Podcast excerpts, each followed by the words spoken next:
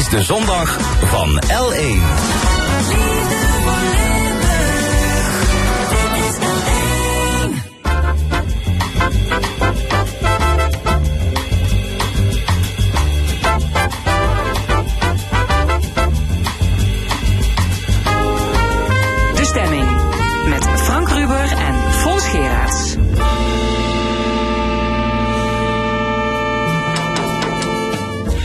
Welkom bij De Stemming, het interview- en discussieprogramma van L1 Radio.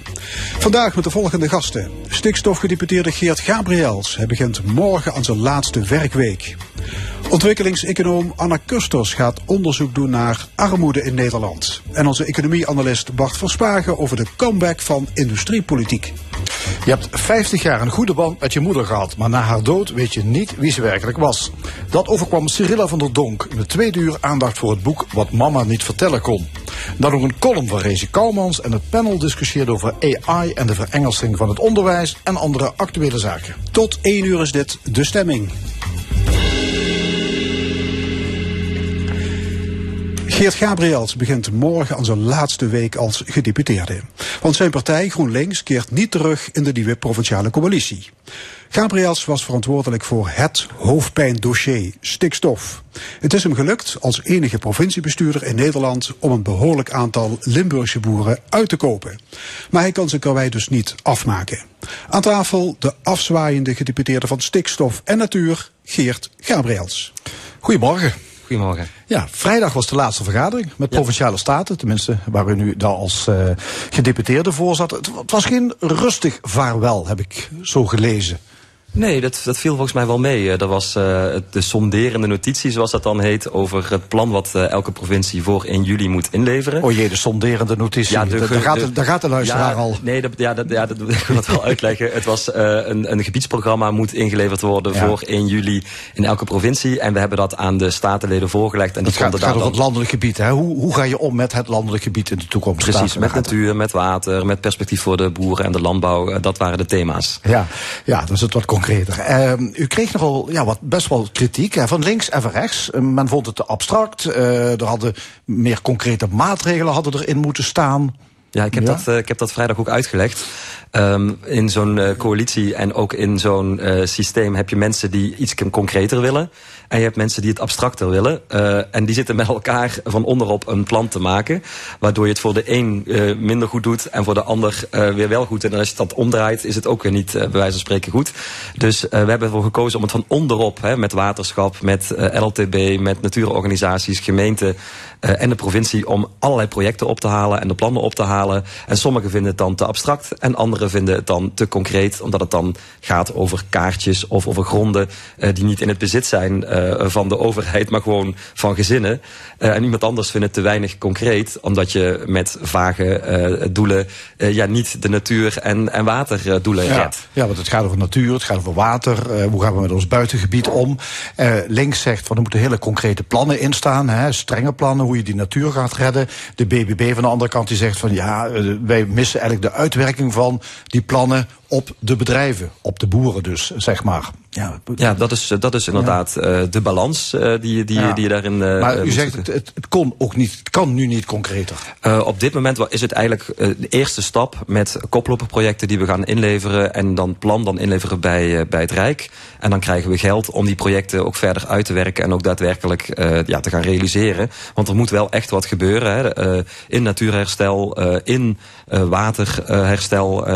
we weten nu al, er is een tekort aan water, maar ook de kwaliteit van het water uh, moet, uh, moet beter. En dat moet dan in die plannen uh, uitgewerkt worden. Maar ja, dat is natuurlijk een eigendomspositie van boeren of andere grondeigenaren, die, waar je niet zomaar aan voorbij kan gaan.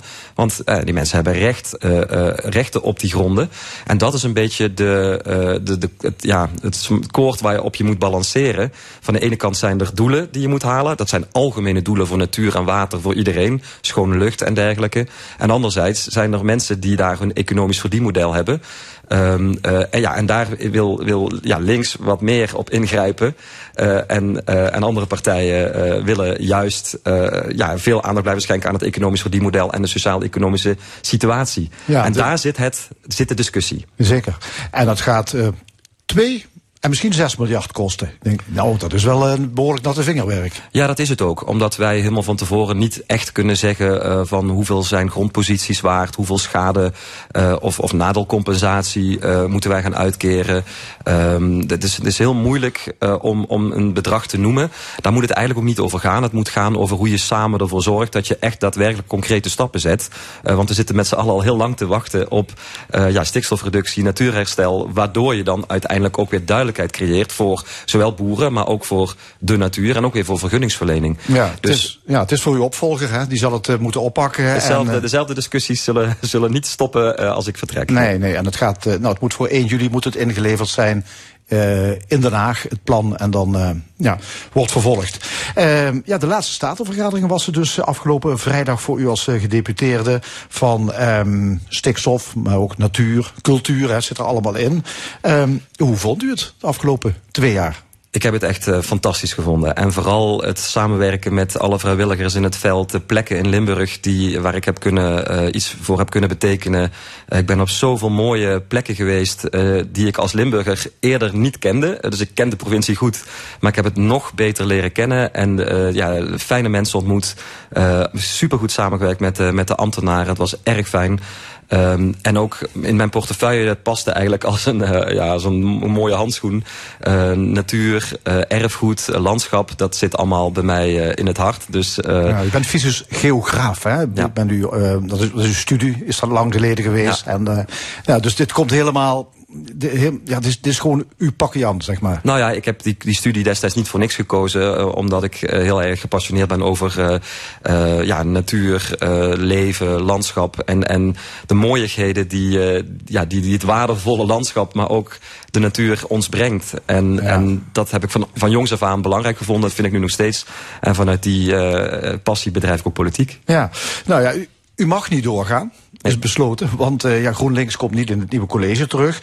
Um, is er wel met GroenLinks onderhandeld? Uh, ja, niet direct echt op inhoud, maar we hebben gewoon wel gesprekken gehad zoals elke partij uh, gesprekken gehad uh, heeft. dus dus we hebben gewoon fijne gesprekken gehad. ja, fijne gesprekken, maar ja, je wil meer natuurlijk. Je wil aan de knoppen zitten als, als partij. Ehm, waar, waar, is het misgegaan? Waarom is Groen, GroenLinks er uiteindelijk niet bijgekomen? Ja, dat is nu eigenlijk mosterd na de maaltijd, want vrijdag wordt er een, een, een mooi nieuw college ge geïnstalleerd. Maar we hebben gesprekken gehad die um, ja, gewoon eerst kennismakingsgesprekken en daarna een, een eerste uh, ja, een soort van uh, aftastend gesprek. Uh, en dat verliep ook fijn, maar daarna ja, kregen we gewoon te horen... wat ook gewoon in het rapport van de informateur staat... op basis van beeldvorming ja, is er, wil BBB niet met, met GroenLinks. BBB wil niet met GroenLinks op basis van beeldvorming? Nou, dat stond in de, in ja, de, in de ja, tekst. Dus, dus, dus ze willen GroenLinks er gewoon niet bij hebben? In dit geval voelde dat waarschijnlijk niet goed voor hen. Nou, en, dat is, en zo werkt het dan dus in de politiek. En, ja, D66 zit er bijvoorbeeld ook niet bij. Nee. Uh, heel opmerkelijk. Het zijn de partijen die ja, zich wel heel erg inzetten voor groen, voor natuur. Die zijn niet welkom in dit college. Ja, dat, dat is, uh, zo zou je het uh, kunnen zeggen. Maar uh, ik, ik, ik weet dat verder niet wat daar de overwegingen zijn geweest. Hoe dan ook, GroenLinks met vier zetels, partij die gewonnen heeft, grootste op, op, op, op links, maar ook op groen, ja, komt niet aanschuiven. En dat is, dat, ja, dat, dat is zo. Zo ja, lijkt het. In andere provincies gaat dat bijvoorbeeld wel. In Zuid-Holland praat GroenLinks mee. In, in Brabant ook tot, nou ja, tot voor kort, maar er zijn de onderhandelingen geklapt. Maar bedoel, het is niet onmogelijk dat GroenLinks en BBB dus samen een coalitie proberen te vormen. Nee, nee, nee, dat is zeker niet onmogelijk. Maar in Limburg wel. Hoezo? Uh, dat, ik, ja, dat moet u niet aan mij vragen. Ja. Uh, maar we kunnen nog steeds samenwerken. Ik denk dat, dat de contacten zijn goed. dus ja, u zult dat echt aan de, aan de, BBB moeten vragen. Wij hebben, ja. dat kunt u ook lezen in het rapport, een hand uitgestoken van hey, laten we samenwerken vanuit natuur- en landbouwperspectief. Ja. Vanuit onze beide, ja, laten we zeggen, kennis en ook de, waar wij achterban hebben. Zou dat een mooie verbinding zijn? Nou, dat kan nog steeds in de Staten kunnen we nog steeds uh, samenwerken om het beste voor Limburg te betekenen. Ja, had, Alleen had u, het heeft had, niet zo mogen zijn in een coalitie. Nee, als het, het akkoord dat er nu ligt, het coalitieakkoord, Zou u, zou u dat hebben kunnen ondertekenen? Ja, zoals het er nu ligt, uh, denk ik niet dat wij dit aan onze achterban, uh, uh, ja, dat, dat onze achterban daarmee in zou stemmen. Want? nou ja, ik, ik, ik wil daar verder ik, he, ik, niet al te veel over zeggen, maar ik vind het een heel mooi sociaal akkoord waarin heel veel mooie dingen staan. Maar op het gebied van, ja, laten we zeggen, waar GroenLinks heel erg voor strijdt, namelijk natuur, laten we zeggen, natuurherstel, beter milieu, goed, goede watervoorziening en daar ook echt concrete stappen in zetten, uh, ja, staat er gewoon voor ons veel te weinig in. Dus, dus, dus dat is dan voor ons en voor onze achterban, uh, ja, hadden wij dit niet uh, kunnen ondertekenen. Waar het niet dat ik wel vertrouwen in heb dat, dat iedereen daar zijn, het, het nieuwe college daar met goede kandidaten gewoon uiterste best voor gaat doen. Maar zoals het er nu ligt, uh, hè, maar er wordt nog over gediscussieerd, er, wordt nog, er zal nog een debat plaatsvinden. Niet, niet Zoals het er nu ligt, ja, zit er gewoon te weinig in voor natuur en, en te weinig concrete keuzes op water. Ja. En zo. Bent u teleurgesteld in de Partij van de Arbeid? PvdA en GroenLinks zouden elkaar toch vasthouden. Hè, dat, landelijk werd dat voor de statenverkiezingen. Ja, ik zie Adje Kuiken en um, Jesse Klaver nog elkaar in de armen vallen. We gaan samen verder. Ja, ik was Gezamenlijk partijcongres. En... Ik was daar ook bij, ja, ja. Bij, dat, bij dat congres. Uh, nou ja, weet je wel, de, de, de partijen maken uh, hun eigen keuzes en hebben ook uh, ja, eigen achterban die wel of niet het akkoord he, gewoon ondertekenen. En, en waar ik begrepen heb, is de Partij van de Arbeid gisteren heel enthousiast. is, hebben de, heeft de achterban enthousiast het akkoord ontvangen.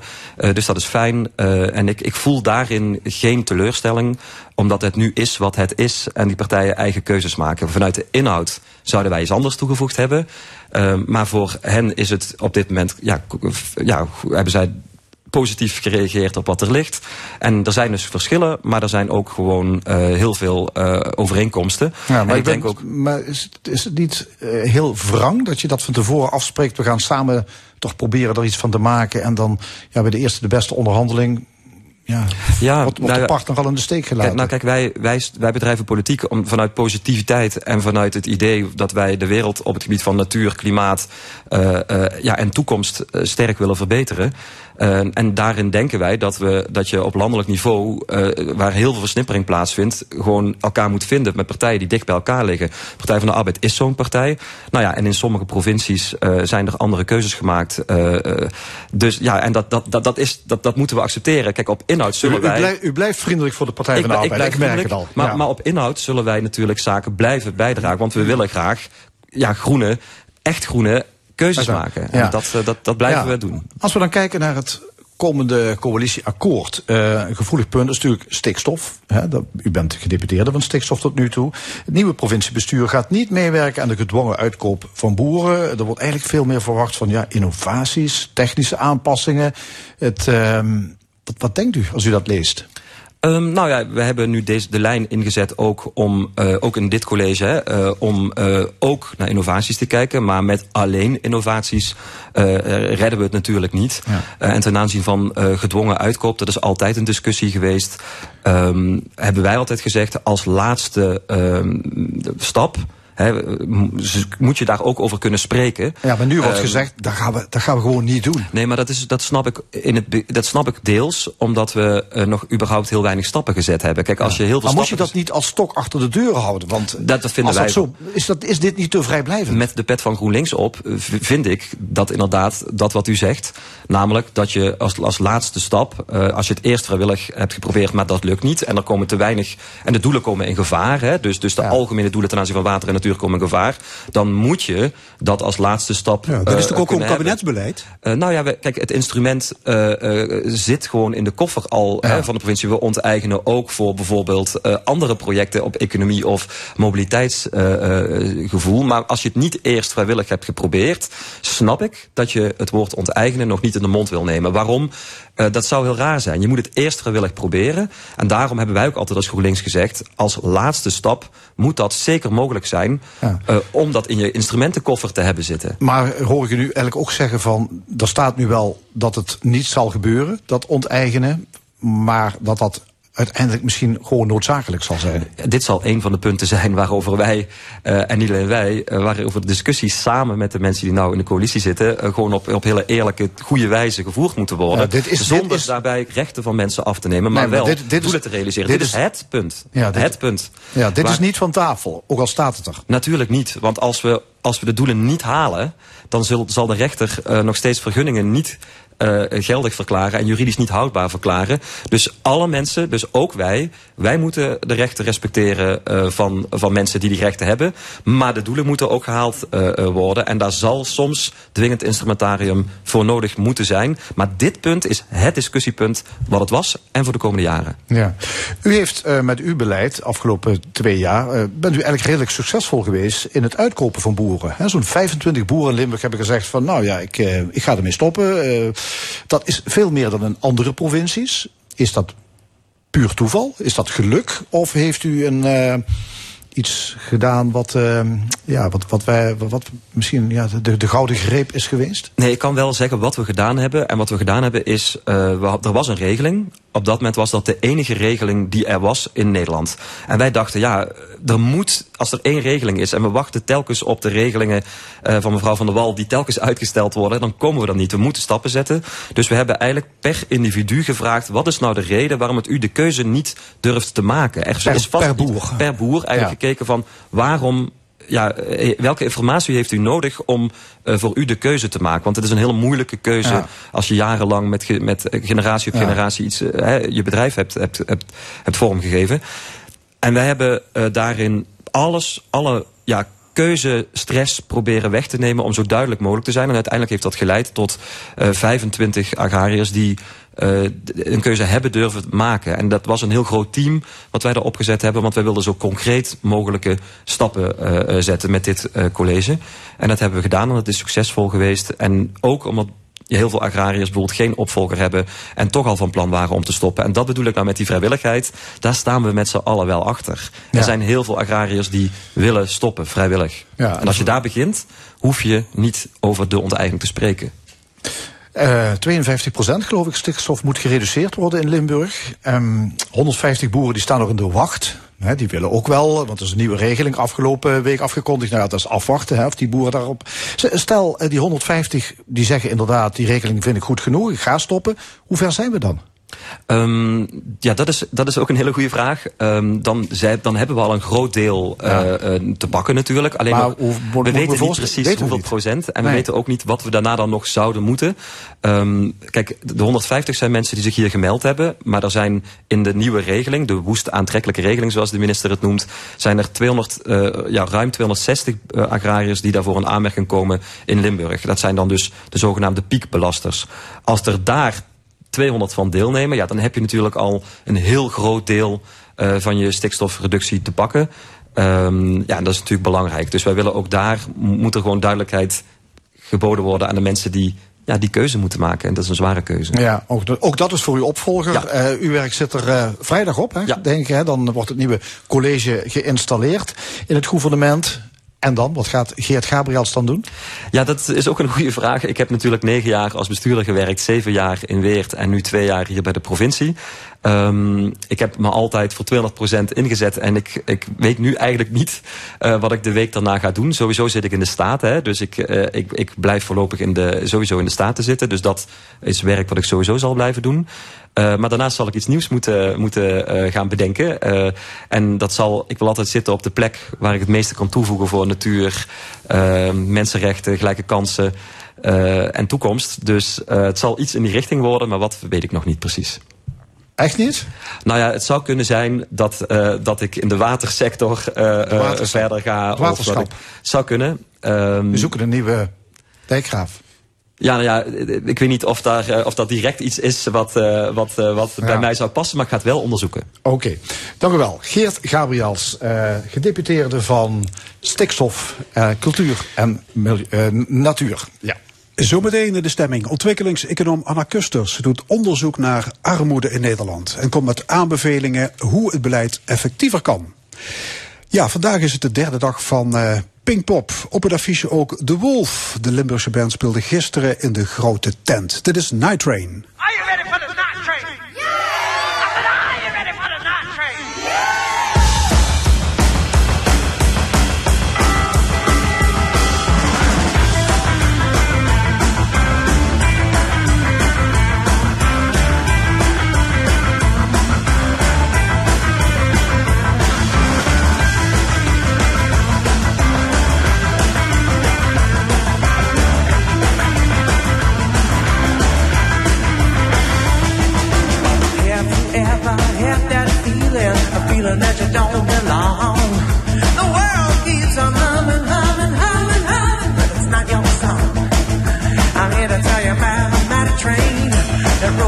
At this old town.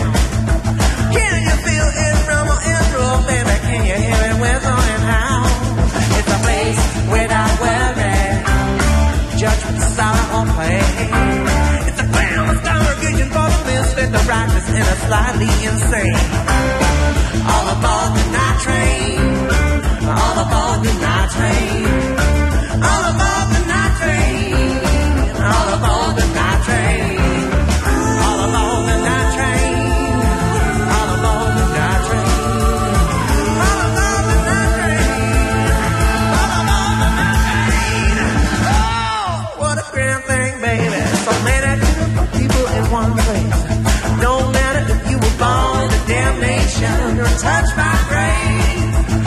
soul company gonna make you groove.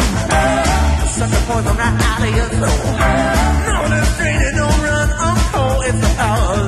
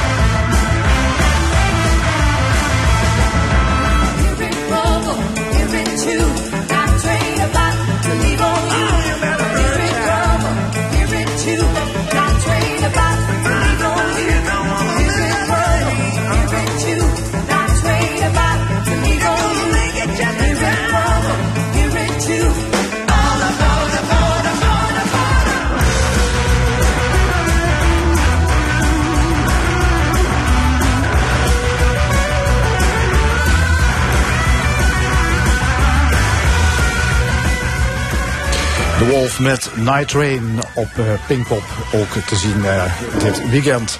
Is er al geweest. Eh, Die zijn al geweest, ja. Gisteren op tv gezien, ja. Ging een tijd lang de goede kant op. Maar sinds corona en de oorlog in Oekraïne is het aantal arme mensen in ons land weer gestegen. Anne Kusters, als ontwikkelingseconoom verbonden aan de Hogeschool van Amsterdam, doet onderzoek naar armoede. Wat is armoede precies? Hoe kan armoede voorkomen in een rijk land? En wat deugt er wel en niet aan het armoedebeleid van de overheid? Allemaal vragen waar ze zich de komende tijd op gaat storten. En ze is onze volgende gast, Anna Kusters. Anna, welkom.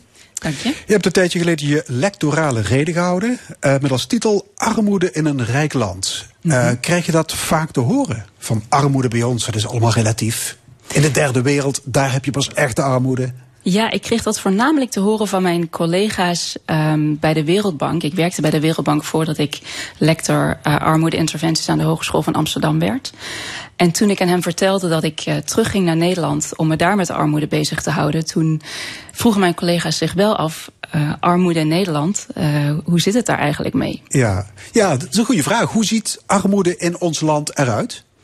Nou, dat, daar kun je zowel een, uh, een kwantitatief antwoord op geven als een, uh, meer een gevoelsmatig uh, of kwalitatief beeld. Ja, begin eens met de kwantitatieve deel van de zaak. Hoeveel mensen zitten in armoede? Hoeveel gezinnen? Ja, de laatste ramingen van het Centraal Planbureau schatten dat op zo'n 5,7 of sorry 4,7 procent voor dit jaar.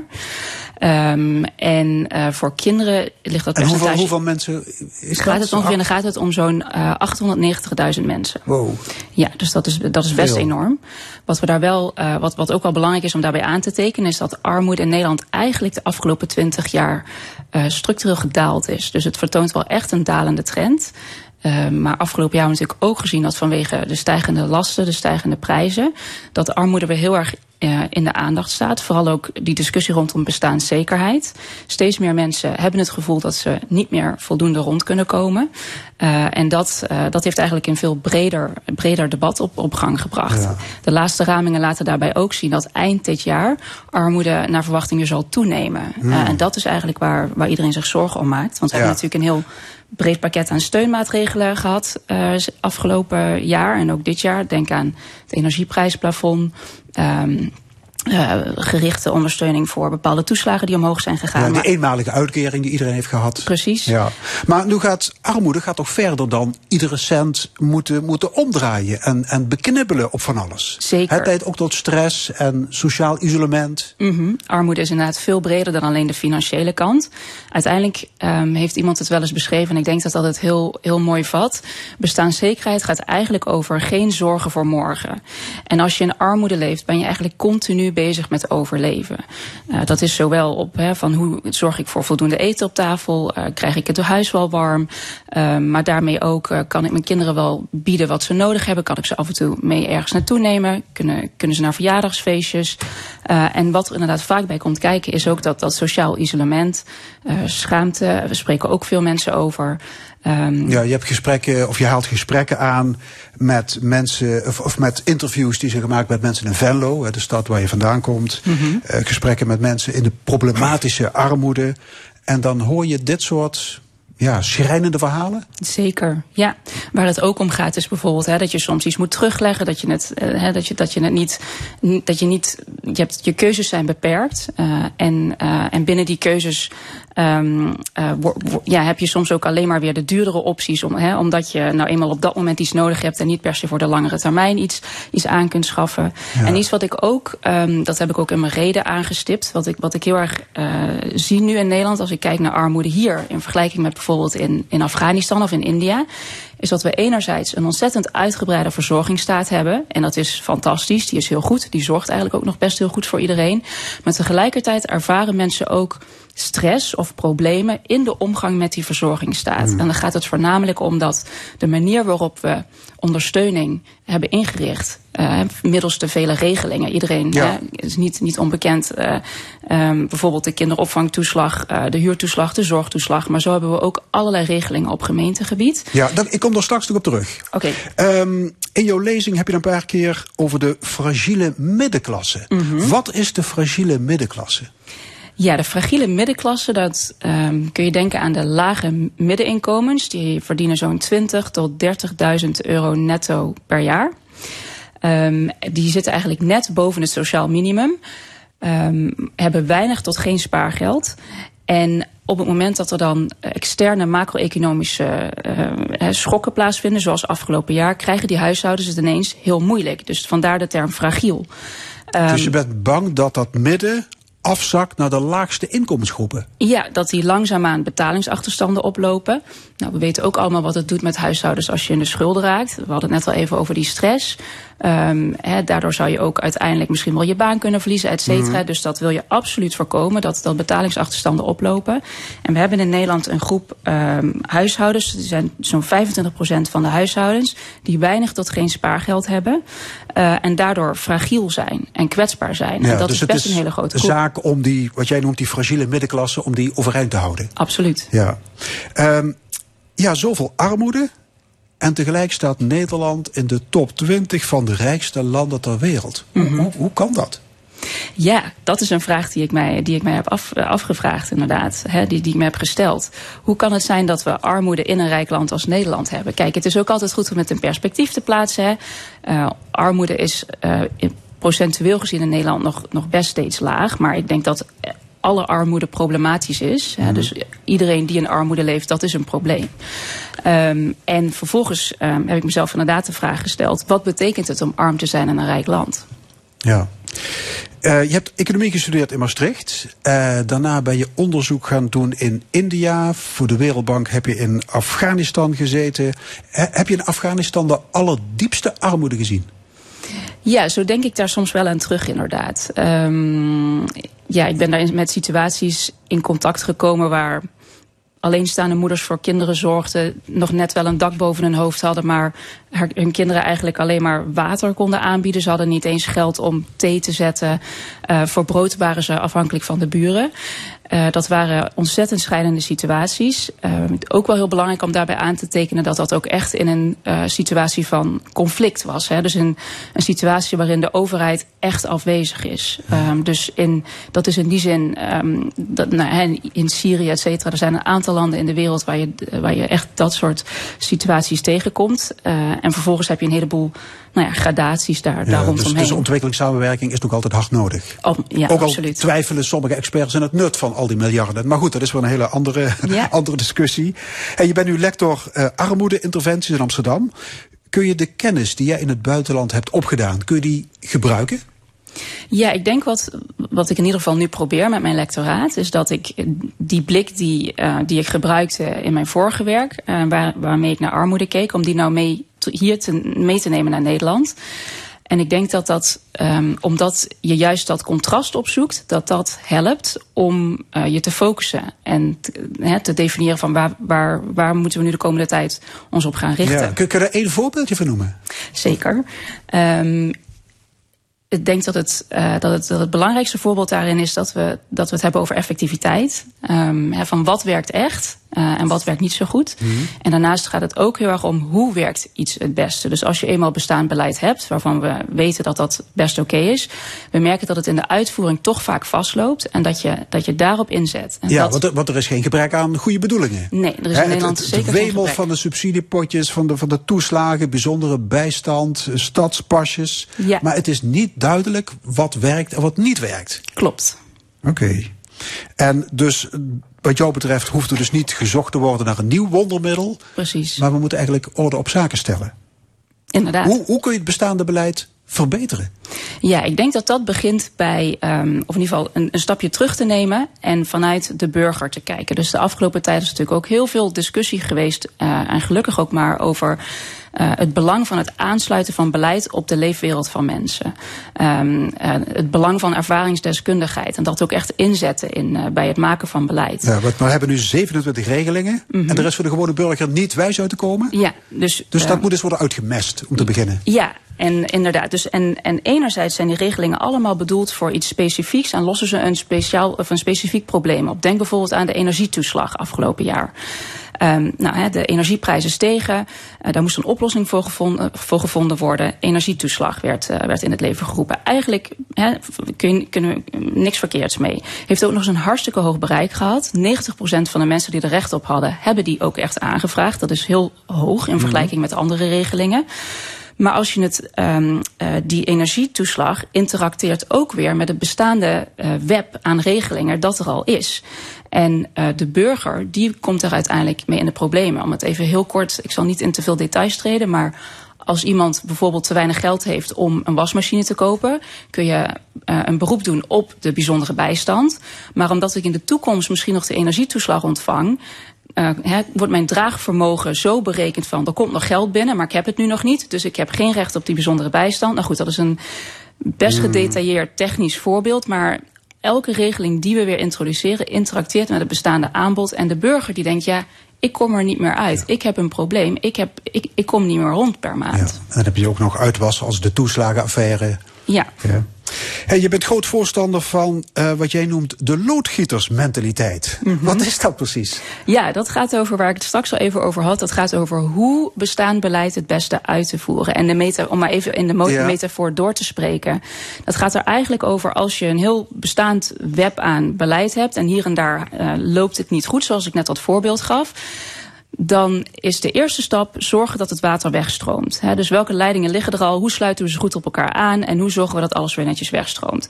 Als we zien dat het ergens echt niet meer lukt, dan leggen we een nieuw leidingnetwerk aan. Uh, en dat is een mentaliteit uh, die wordt beschreven in de ontwikkelingseconomie. Dus dat is ook dat idee, een van de ideeën die ik meeneem vanuit het denken in ontwikkelingssamenwerking. Uh, laten we nou eens met die bril hier kijken naar beleid.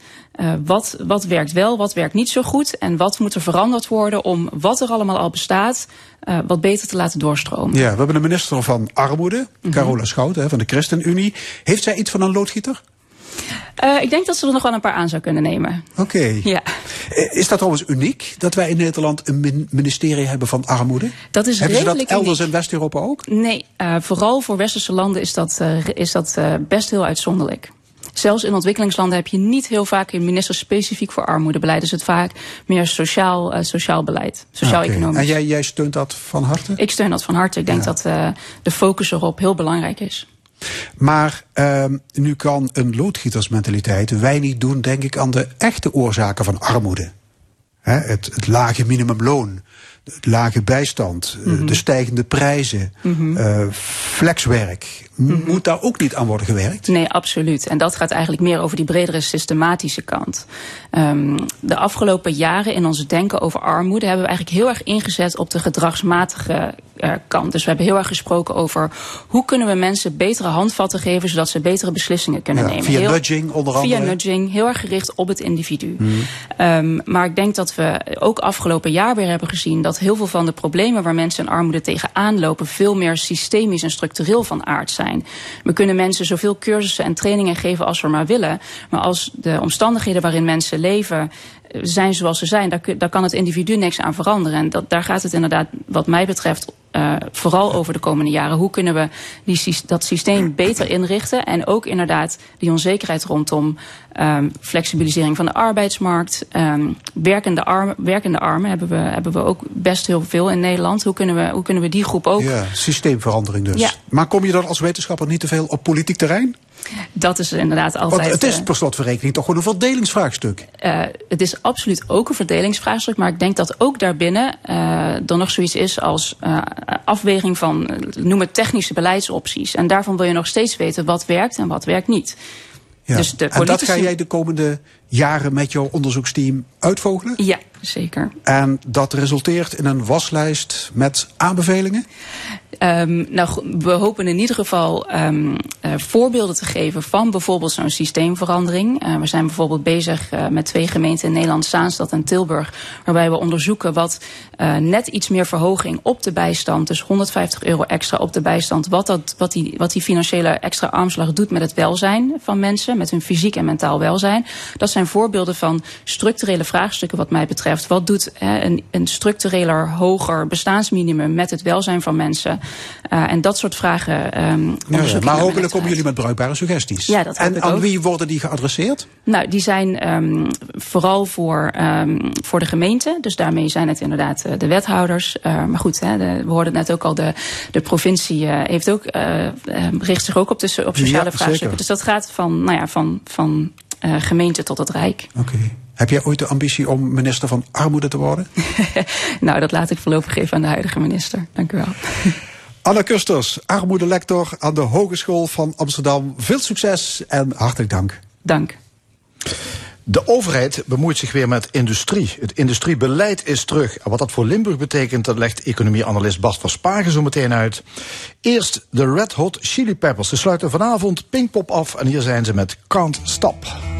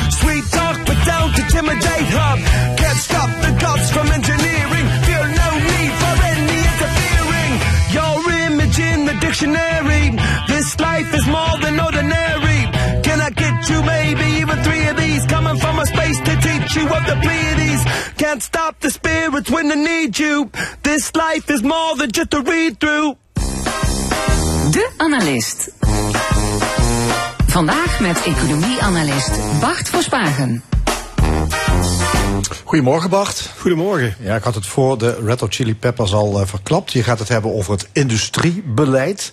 Ehm, ja, dat was lang heel gewoon in Nederland, hè, dat we industriebeleid hadden. Ja, de tijden, die, dat, maar dat is eh, tegenwoordig not done. Hè. Het was een tijdje not done. En nu is het eigenlijk weer terug van weg geweest. Ehm, wat, misschien moet je eens eerst uitleggen, wat is eigenlijk industriebeleid? Ja, industriebeleid dat is eigenlijk beleid dat gericht is op uh, hele specifieke sectoren en dan vaak op de zogenaamde maakindustrie. Dus bedrijven die dingen produceren die je in je handen kunt houden, die op je tenen kunnen vallen. En dat in tegenstelling tot diensten. Diensten, dat zijn allemaal niet tastbare zaken. En dat industriebeleid dat is heel erg gericht op het uh, ondersteunen van bedrijven die in die sector opereren. En dat zijn ook bedrijven die ja, voor een gedeelte toch ook wel verdwenen zijn uit landen als Nederland. Omdat ze verhuisd zijn naar, naar Azië bijvoorbeeld. Ja, het, het had lange tijd uh, had dat geen goede naam, industriebeleid. Um, hoe, hoe kan dat? Nou, dat kwam eigenlijk doordat uh, in het verleden er een aantal hele slechte ervaringen zijn geweest met industriebeleid. Je hebt bijvoorbeeld bedrijven als RSV, de, de scheepswerf in Nederland, grote scheepswerf, Fokker, de vliegtuigbouwer. Dat waren bedrijven die ja, konden niet meer concurreren in de wereldmarkt. Er was te veel concurrentie vanuit andere landen. Maar dat waren wel hele belangrijke bedrijven in Nederland. Er werkten veel mensen. En uh, het feit dat het slecht ging met die bedrijven, dat vond de politiek toch uh, niet helemaal een, een fijn idee. En men probeerde dus om die bedrijven te gaan redden. En ja, dat lukte eigenlijk steeds maar niet. En uiteindelijk liep dat uit op, uh, op hele grote fiasco's. Er is nog een uh, parlementaire enquête geweest over RSV. En het feit dat dat zo mislukt is, dat daar zoveel geld en moeite in gestoken is en dat het tot niets geleid heeft, dat leidde er eigenlijk toe dat dat industriebeleid, industriepolitiek, zoals het soms genoemd wordt, dat dat verdween van het uh, toneel. Ja, vond de politiek het toen belangrijk om die werkgelegenheid te behouden of vond men het belangrijk om die sectoren voor Nederland te behouden? Ik denk dat het vooral om werkgelegenheid ging. Hè. Het, uh, de twee dingen hangen natuurlijk samen. Dat zijn sectoren die traditioneel, als je zeg maar in de, in de periode van de wederopbouw gaat kijken, waren dat sectoren die heel belangrijk waren. Daar werkten veel mensen. En ja, dat, dat verdween allemaal, dat kalfde langzaam af. En dat uh, schiep toch wel een bepaald gevoel van onbehagen bij de politiek. Ja, het waren ook tijden waar natuurlijk de werkeloosheid torenhoog was. Hè? Dus uh, daar was de politiek wel iets aan gelegen om daar iets aan te doen. Precies. Ja. ja. En er was een hele geruchtmakende enquête hè, over de RSV. RSV. Ja, ja, want toen, ja, daar gingen uh, natuurlijk allerlei zaken nee. mis. Uh, er werd niet goed geïnformeerd over wat nou precies uh, de achtergronden daarvan waren. Er werd natuurlijk ook vanuit die bedrijven gelobbyd. En daar kon men ook niet altijd open over zijn. Dus dat, dat was best wel een... Ja, en volgens mij de eerste enquête sinds lange tijd. Toen, vanaf toen is dat... Dat klopt, ja. ja. Die bedrijven zijn dus wel die zijn verdwenen, ondanks het feit dat ze dus gesteund werden door de overheid. Uh, welke lessen zijn er getrokken uit het feit dat die bedrijven toch ten onder zijn gegaan? Ondanks ja. dus die industriepolitiek. Ja, nou, de, de les die men trok was eigenlijk dat je niet meer zulke specifieke bedrijven mocht gaan steunen. Je moest als je beleid voerde, moest je dat generiek doen. Dus dat moest betrekking hebben op alle bedrijven. Die moesten daar allemaal gebruik van kunnen maken. En dan kom je uit op uh, beleidsmaatregelen zoals algemene subsidies voor bijvoorbeeld onderzoek. Waar ieder bedrijf dat dat onderzoek wil doen gebruik van kan maken. Of een algemene belastingverlaging, verlaging van de vennootschapsbelasting. Daar hebben alle bedrijven baat bij. En dat was het beleid dat men zag als een, een, een adequaat en gerechtvaardigd beleid. Omdat je dan niet meer gedwongen was als overheid om die keuzes te maken. Want het idee was, ja, de overheid kan die keuzes helemaal niet maken. Als de overheid gaat zeggen dat RSV gered moet worden, of dat Fokker gered moet worden, ja, de markt heeft daar misschien een heel ander idee over. Ja, past dat ook in het neoliberale denken, de, wat je nu vertelt? Absoluut. Hè, dat is allemaal onderdeel daarvan. Het is allemaal het idee dat de markt weet het allemaal het beste. De overheid moet zich voegen naar wat de markt aan richting geeft aan de economie. En je moet dat wel ondersteunen, maar alleen dan op die generieke manier met subsidies en, uh, en belastingverlaging. Ja, die ouderwetse industriepolitiek, dat was toch heel erg sturend. Dat was iets, uh, ja, misschien eh, eh, toch geloven in de maakbaarheid van die economie. Ja, absoluut. Ja. Ja. Ehm, nou ja, het, het was er ooit. Het is weg geweest. Hè. Je zegt dat waren die, die generieke maatregelen die op een gegeven moment genomen zijn in de jaren negentig en later. En nu zie je weer een terugkeer. Opeens is eh, industriebeleid, het, het lijkt weer teruggekeerd. Wat is er aan de hand? Ja, die, die ommekeer is eigenlijk gekomen in, eh, in, aan het begin van de COVID-crisis. En toen zag je dat er eh, al die, eh, die, die, die internationale waardeketens, waar hele kleine stukjes van producten in het buitenland geproduceerd werden, die maakten ons heel afhankelijk van het buitenland. En als dan COVID plotseling eh ten tonele verschijnt, dan blijkt dat een fabriek in Azië ergens geen eh, elektronische chips meer maakt, of een fabriek in de Oekraïne geen kabels meer maakt. en daar hebben wij hier last van. Netcar hè, konden toen op een Van gegeven moment geen auto's precies. Ja, die produceren. konden geen, geen kabels, die konden geen auto's meer maken, omdat er geen kabels waren, omdat er geen chips waren die in die auto's gingen. En ja, dat besef dat we zo afhankelijk zijn van die internationale economie, dat eh, zorgde toch wel voor paniek bij politici wereldwijd. En toen zei men, ja, we moeten veel minder afhankelijk worden van het buitenland. We moeten strategische dingen weer in Europa, in Nederland gaan maken. En ja, dan kom je uit op industriebeleid Ja. om dat te realiseren, die onafhankelijkheid. Ja, ja het wa- wa- de mondkapjes, hè, dat was natuurlijk het voorbeeld toen. We hadden geen mondkapjes in We Nederland. hadden geen mondkapjes, die moesten we gaan importeren uit China. En ja, die wilden ze ook allemaal voor zichzelf. Als we die gewoon in Nederland hadden kunnen produceren, dan hadden we dat probleem niet gehad. Nee, maar dat was ook een gevolg van, van eh zeg maar zeggen, het, het ehm, kijken waar kun je de producten het goedkoopste produceren. Hè? Wij waren natuurlijk in Europa gestopt met die maakindustrie. En ja, het was veel goedkoper om het uit, uit Vietnam of uit China te halen. Ja, helemaal gestopt waren we niet. Maar inderdaad, hele grote stukken van die maakindustrie hadden we uitbesteed aan Azië. Azië is een beetje de fabriek van de wereld geworden. Omdat men daar aan de ene kant heel efficiënt is. Men weet daar heel goed gebruik te maken van efficiënte technologie. En de lonen zijn ook nog vaak laag in een aantal van die Aziatische landen. Dus dan is het voor bedrijven goed om een gedeelte van hun productie daar naartoe uit te besteden. Ja, en nu weer terugkeren, dus toch het, het besef van we moeten ook dit soort dingen in Nederland, in Europa op zijn minst, weer gaan produceren. Dus krijgen we nu weer een industriebeleid, ja, à de jaren 50 en 60? Ja, ik denk dat we wel een beetje in die richting gaan. Het zal niet eh, helemaal hetzelfde zijn, maar eh, we gaan wel weer in die richting dat we zeggen ja. Wij moeten toch eh, lokale bedrijven gaan ondersteunen om die onafhankelijkheid te, eh, te vergroten. En daar komt bij dat we ook te maken hebben met de transitie naar een duurzame economie. Daar moeten we ook hele specifieke technologie voor hebben. Daar hebben we ook bepaalde grondstoffen voor nodig. En dat willen we ook het liefst eh, in eigen huis houden. En eh, op die manier komen we toch weer uit bij dat eh, industriebeleid. Dus, En- dus de comeback van industriepolitiek heeft ook te maken met de trend dat de overheid meer de regie moet nemen op, op alle mogelijke vlakken. Ja, de overheid moet in ieder geval zorgen dat die transitie dat die gaat gebeuren. Wat je dan ziet is dat die regie die de overheid zou kunnen pakken, dat ze dat toch niet helemaal doen. Want het industriebeleid blijft toch een beetje terughoudend. Hè. Je ziet dat eh, hier in Limburg ook. Ja, durft men echt harde keuzes te maken? Of zegt men, ja, nee, we hebben een aantal bedrijven die zitten er al.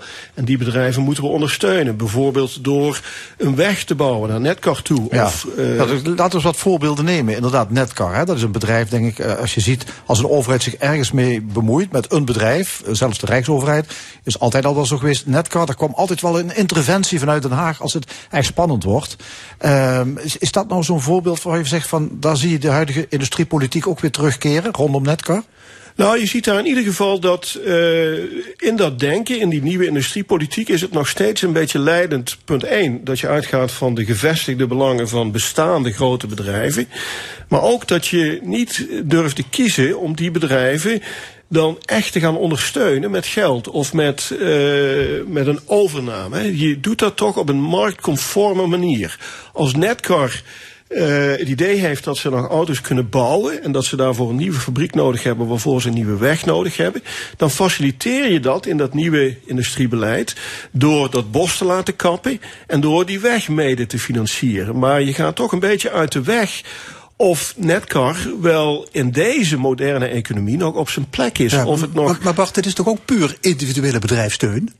Dat Zo klopt. weg. Ja, En ja, de dus- van het bos. Ja, in die zin is het, eh, is het ouderwets eh, industriebeleid, dat Ja. klopt. Ja, ja. ja, het, is, het is helemaal, want die weg die komt er alleen maar omdat Netcar daar eh, iets, iets wil gaan, gaan bouwen. Eh Gemmelot eh, is natuurlijk ook een, ja, het is geen bedrijf, maar het is een conglomeraat hè, van een aantal bedrijven die te- tegenwoordig op dat voormalige DSM-terrein zitten. Ehm, dat, daar is de overheid natuurlijk veel aan gelegen om dat ook te behouden. Zie je dat ook terug in de industriepolitiek? Ja, je ziet dat nu bijvoorbeeld in die discussie rond die pijplijn. Hè. Dus eh, er komt een pijplijn eh, van Rotterdam naar het Roergebied in Duitsland om waterstof te transporteren, onder andere. En ja, dan ziet Gemmelot natuurlijk de kans dat die pijplijn met een aftakking ook naar dat bedrijventerrein toe gaat. En dat wordt eh, zowel door de Nederlandse centrale overheid als door de provinciale overheid natuurlijk ook van harte ondersteund. Dus daar zie je ook weer dat eh, er zit zo'n grote speler, een aantal van die grote spelers op dat bedrijventerrein. En je gaat die belangen van die grote spelers ga je ondersteunen door dat industriebeleid. Ja. Jij, jij zegt de belangen van de grote spelers. Dus um, is dat een gevaar voor de economische ontwikkeling? Dat die belangen van de bestaande partijen, dat die geborgd worden? Ik denk het wel, want uh, je moet natuurlijk als overheid ook een wat bredere blik hebben. En dan zijn er ook nieuwe initiatieven, nieuwe bedrijven, nieuwe ondernemers die uh, ons moeten en kunnen gaan helpen met die transitie die we gaan maken. Je kunt een voorbeeld nemen. Als het zo is dat je waterstof moet gaan gebruiken als energiedrager en die waterstof die wordt op zee geproduceerd, ja, dan is het eigenlijk veel logischer dat die zware industrie, die chemische industrie die die waterstof gaat gebruiken, dat die ook ergens aan de kust gebouwd wordt. Uh, in, het, Zuid-Europa bijvoorbeeld, daar komt misschien goedkope zonne-energie binnen uit Afrika. En het is helemaal niet zo logisch dat die industrie dan ook in Zuid-Limburg een plek heeft. En ja, dat zijn vragen die je in ieder geval moet gaan stellen als overheid. Uh, of je dan niet moet uh, zeggen, ja nee, we gaan die pijplijn niet ondersteunen. Wij gaan proberen om hier nieuwe economische activiteiten te ondersteunen, die ons op een betere en snellere manier in die richting van die duurzame economie gaan, uh, gaan duwen. Ja, die visie en die regie, die mis jij. Ja, precies. Dat, dat mis ik. Oké, okay, dankjewel. Bas Verspagen, econoom van de Universiteit Maastricht. Straks in de stemming Cyrilla van der Donk. Jarenlang was ze bezig om het duistere verleden van haar moeder uit te pluizen. En dat heeft een onthutsend boek opgeleverd met veel Europese geschiedenis. Geschreven door Marcel Maassen. Dat allemaal straks. Verdere discussiepanel, een column van Rezi en nog veel meer. Blijf luisteren. Tot zometeen.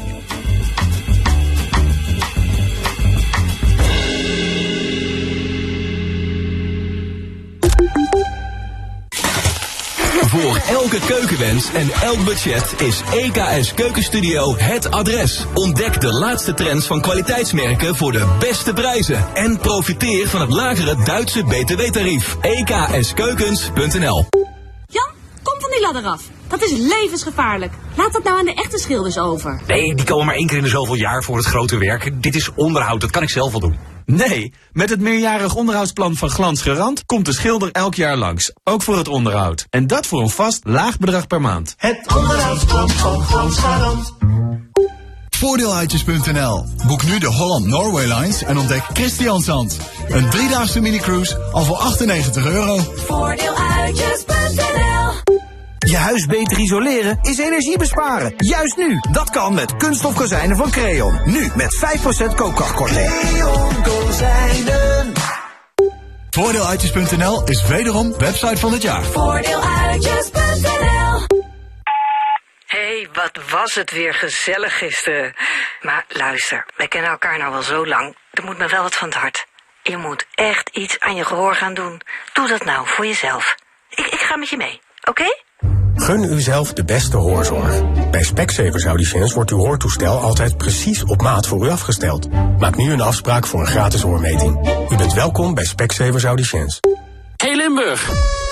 Vier jij mee? Discovery Museum is al 25 jaar het leukste wetenschaps- en techniekmuseum van Zuid-Nederland. Kom naar onze roadshow in Kerkrade, Heerlen, Maastricht, Sittard voor alle data en tijden. Dit is L1 met het nieuws van 12 uur. Gert Kluk met het NOS Journaal. De 14e editie van de Nacht van de Vluchtelingen heeft bijna 1,3 miljoen euro opgebracht, ruim een ton meer dan vorig jaar. In totaal deden 5500 mensen mee aan het wandelevenement dat gisteravond van start ging. De deelnemers vertrokken vanuit Nijmegen, Amersfoort, Rotterdam, Tilburg en Haarlem voor een wandeling van 10, 20 of 40 kilometer. Er wandelden ook mensen mee die zelf ooit op de vlucht waren. De opbrengst van de editie van dit jaar gaat onder meer naar projecten in Syrië, Ethiopië en Soudaan. Amersfoort krijgt als vijfde stad in Nederland een islamitische middelbare school. Het ministerie van Onderwijs heeft daar toestemming voor gegeven, meldt RTV Utrecht. De school biedt in eerste instantie alleen VMBO-onderwijs. Bij de aanvraag voor een nieuwe school gelden strenge kwaliteitseisen. Ook moeten genoeg ouders belangstelling hebben voor een nieuwe school. Overheden stoppen amper informatie in het algoritmeregister. Bij de lancering van de website in december bevat het register 109 meldingen. In de zes maanden daarna zijn er maar 14 bijgekomen. Een algoritme is een instructiecode voor de computer. In de toeslagenaffaire leidde gebruik ervan tot discriminatie van mensen met twee nationaliteiten. Het register is bedoeld om transparantie over het gebruik van algoritmes te vergroten. De Amerikaanse minister van Buitenlandse Zaken, Blinken, is voor een tweedaags bezoek in Peking. Blinken zegt dat hij directe contact zoekt om te voorkomen dat de onderlinge verhoudingen verder verslechteren. Er zijn onder meer spanningen tussen de VS en China over Taiwan en de Russische aanvalsoorlog tegen Oekraïne. Voor het eerst zijn bewegende beelden online gezet van een lockdownfeest van functionarissen van de Britse conservatieve partij. Onthullingen over het bestaan van de feesten waren de opmaat voor Partygate en leidden uiteindelijk tot het vertrek van Boris Johnson als premier en parlementariër. Het weer sluierwolken, ook zon. Vanmiddag vanuit het zuiden steeds meer bewolking met kans op een lichte bui. Het wordt 27 tot 30 graden. Morgen lokaal een enkele bui, daarna droog en zonnig, dan 24 tot 27 graden. Dit was het NOS Journaal. Het Veldfest des in Aken. 's werelds grootste happening in de paardensport van 23 juni tot 2 juli. Uniek, spectaculair, emotioneel. Bestel nu uw ticket via de hotline 0049 241 9174 x 1 of online op www.chioagen.de. CHIO Agen. Nu bij Subaru Eusen. De volledig elektrische Subaru Solterra. Maak kennis met deze prachtige SUV. Geniet van een proefrit en kom naar onze showroom in Ransdaal. De nieuwe Subaru Solterra. Kijk op eusen.nl. Is de bekleding van uw favoriete bank of stoel versleten? Of is de vulling niet meer optimaal? Bij Mol en Geurts in Sittard herstofferen we elk zitmeubel met expertise en passie. Waarom nieuw als het duurzaam kan? Kijk op molgeurts.nl voor onze actie. Stel, je dagelijkse wandeling wordt inspanning in plaats van ontspanning. Dan kun je bij Vego terecht voor een zorghulpmiddel.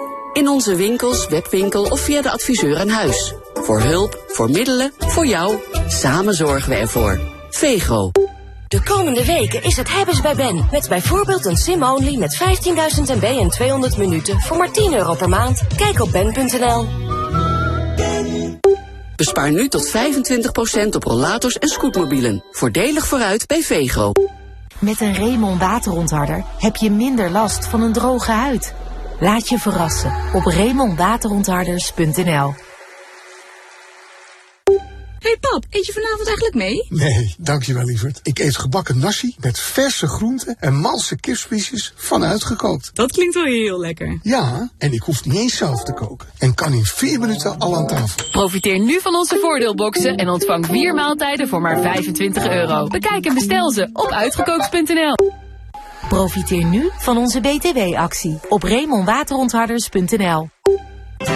Wegens succes verlengd. Het was zondag in het zuiden. De spektakelmusical over het hoogwater in Limburg. Met muziek van Rowan Hezen. Exclusief te zien van 19 juli tot en met 2 september in Tegelen. Al 25.000 tickets verkocht. Reserveer snel via hetwaszondaginhetzuiden.nl Dit is de zondag van L1.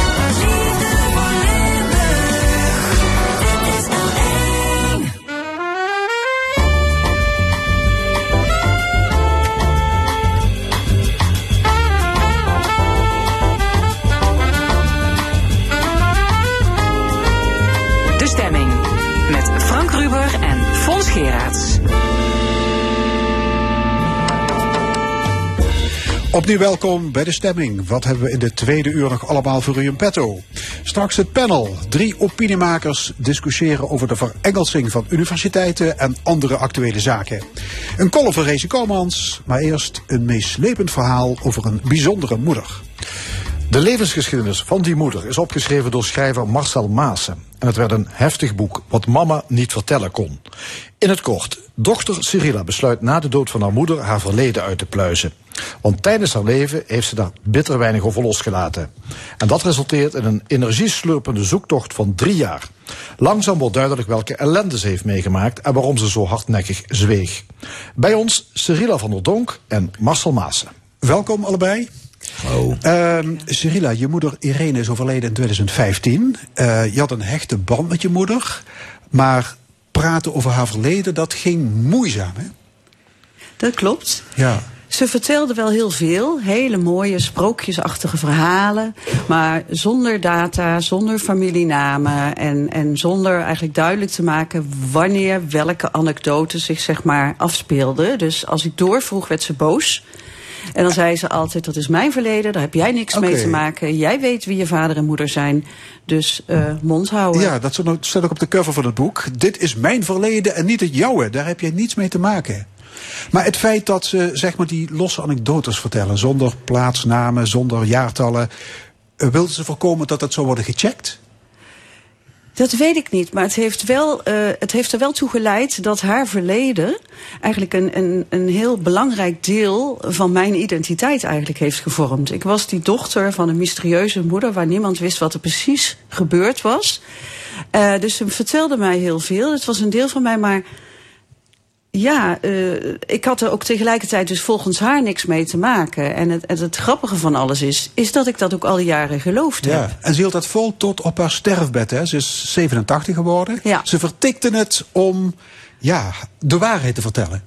Ja, maar ik heb natuurlijk eh, na verloop van tijd heb ik, ben ik steeds minder gaan vragen. Ik heb het echt in bepaalde periodes gedaan. Natuurlijk toen ik, toen ik puber was, toen ik op een gegeven moment, misschien dat mensen dat nog herkennen, zo'n eh, eh, DDR-reis had. Weet je wel, dan gingen we zeg maar eh, naar Oost-Berlijn en achter de muur kijken.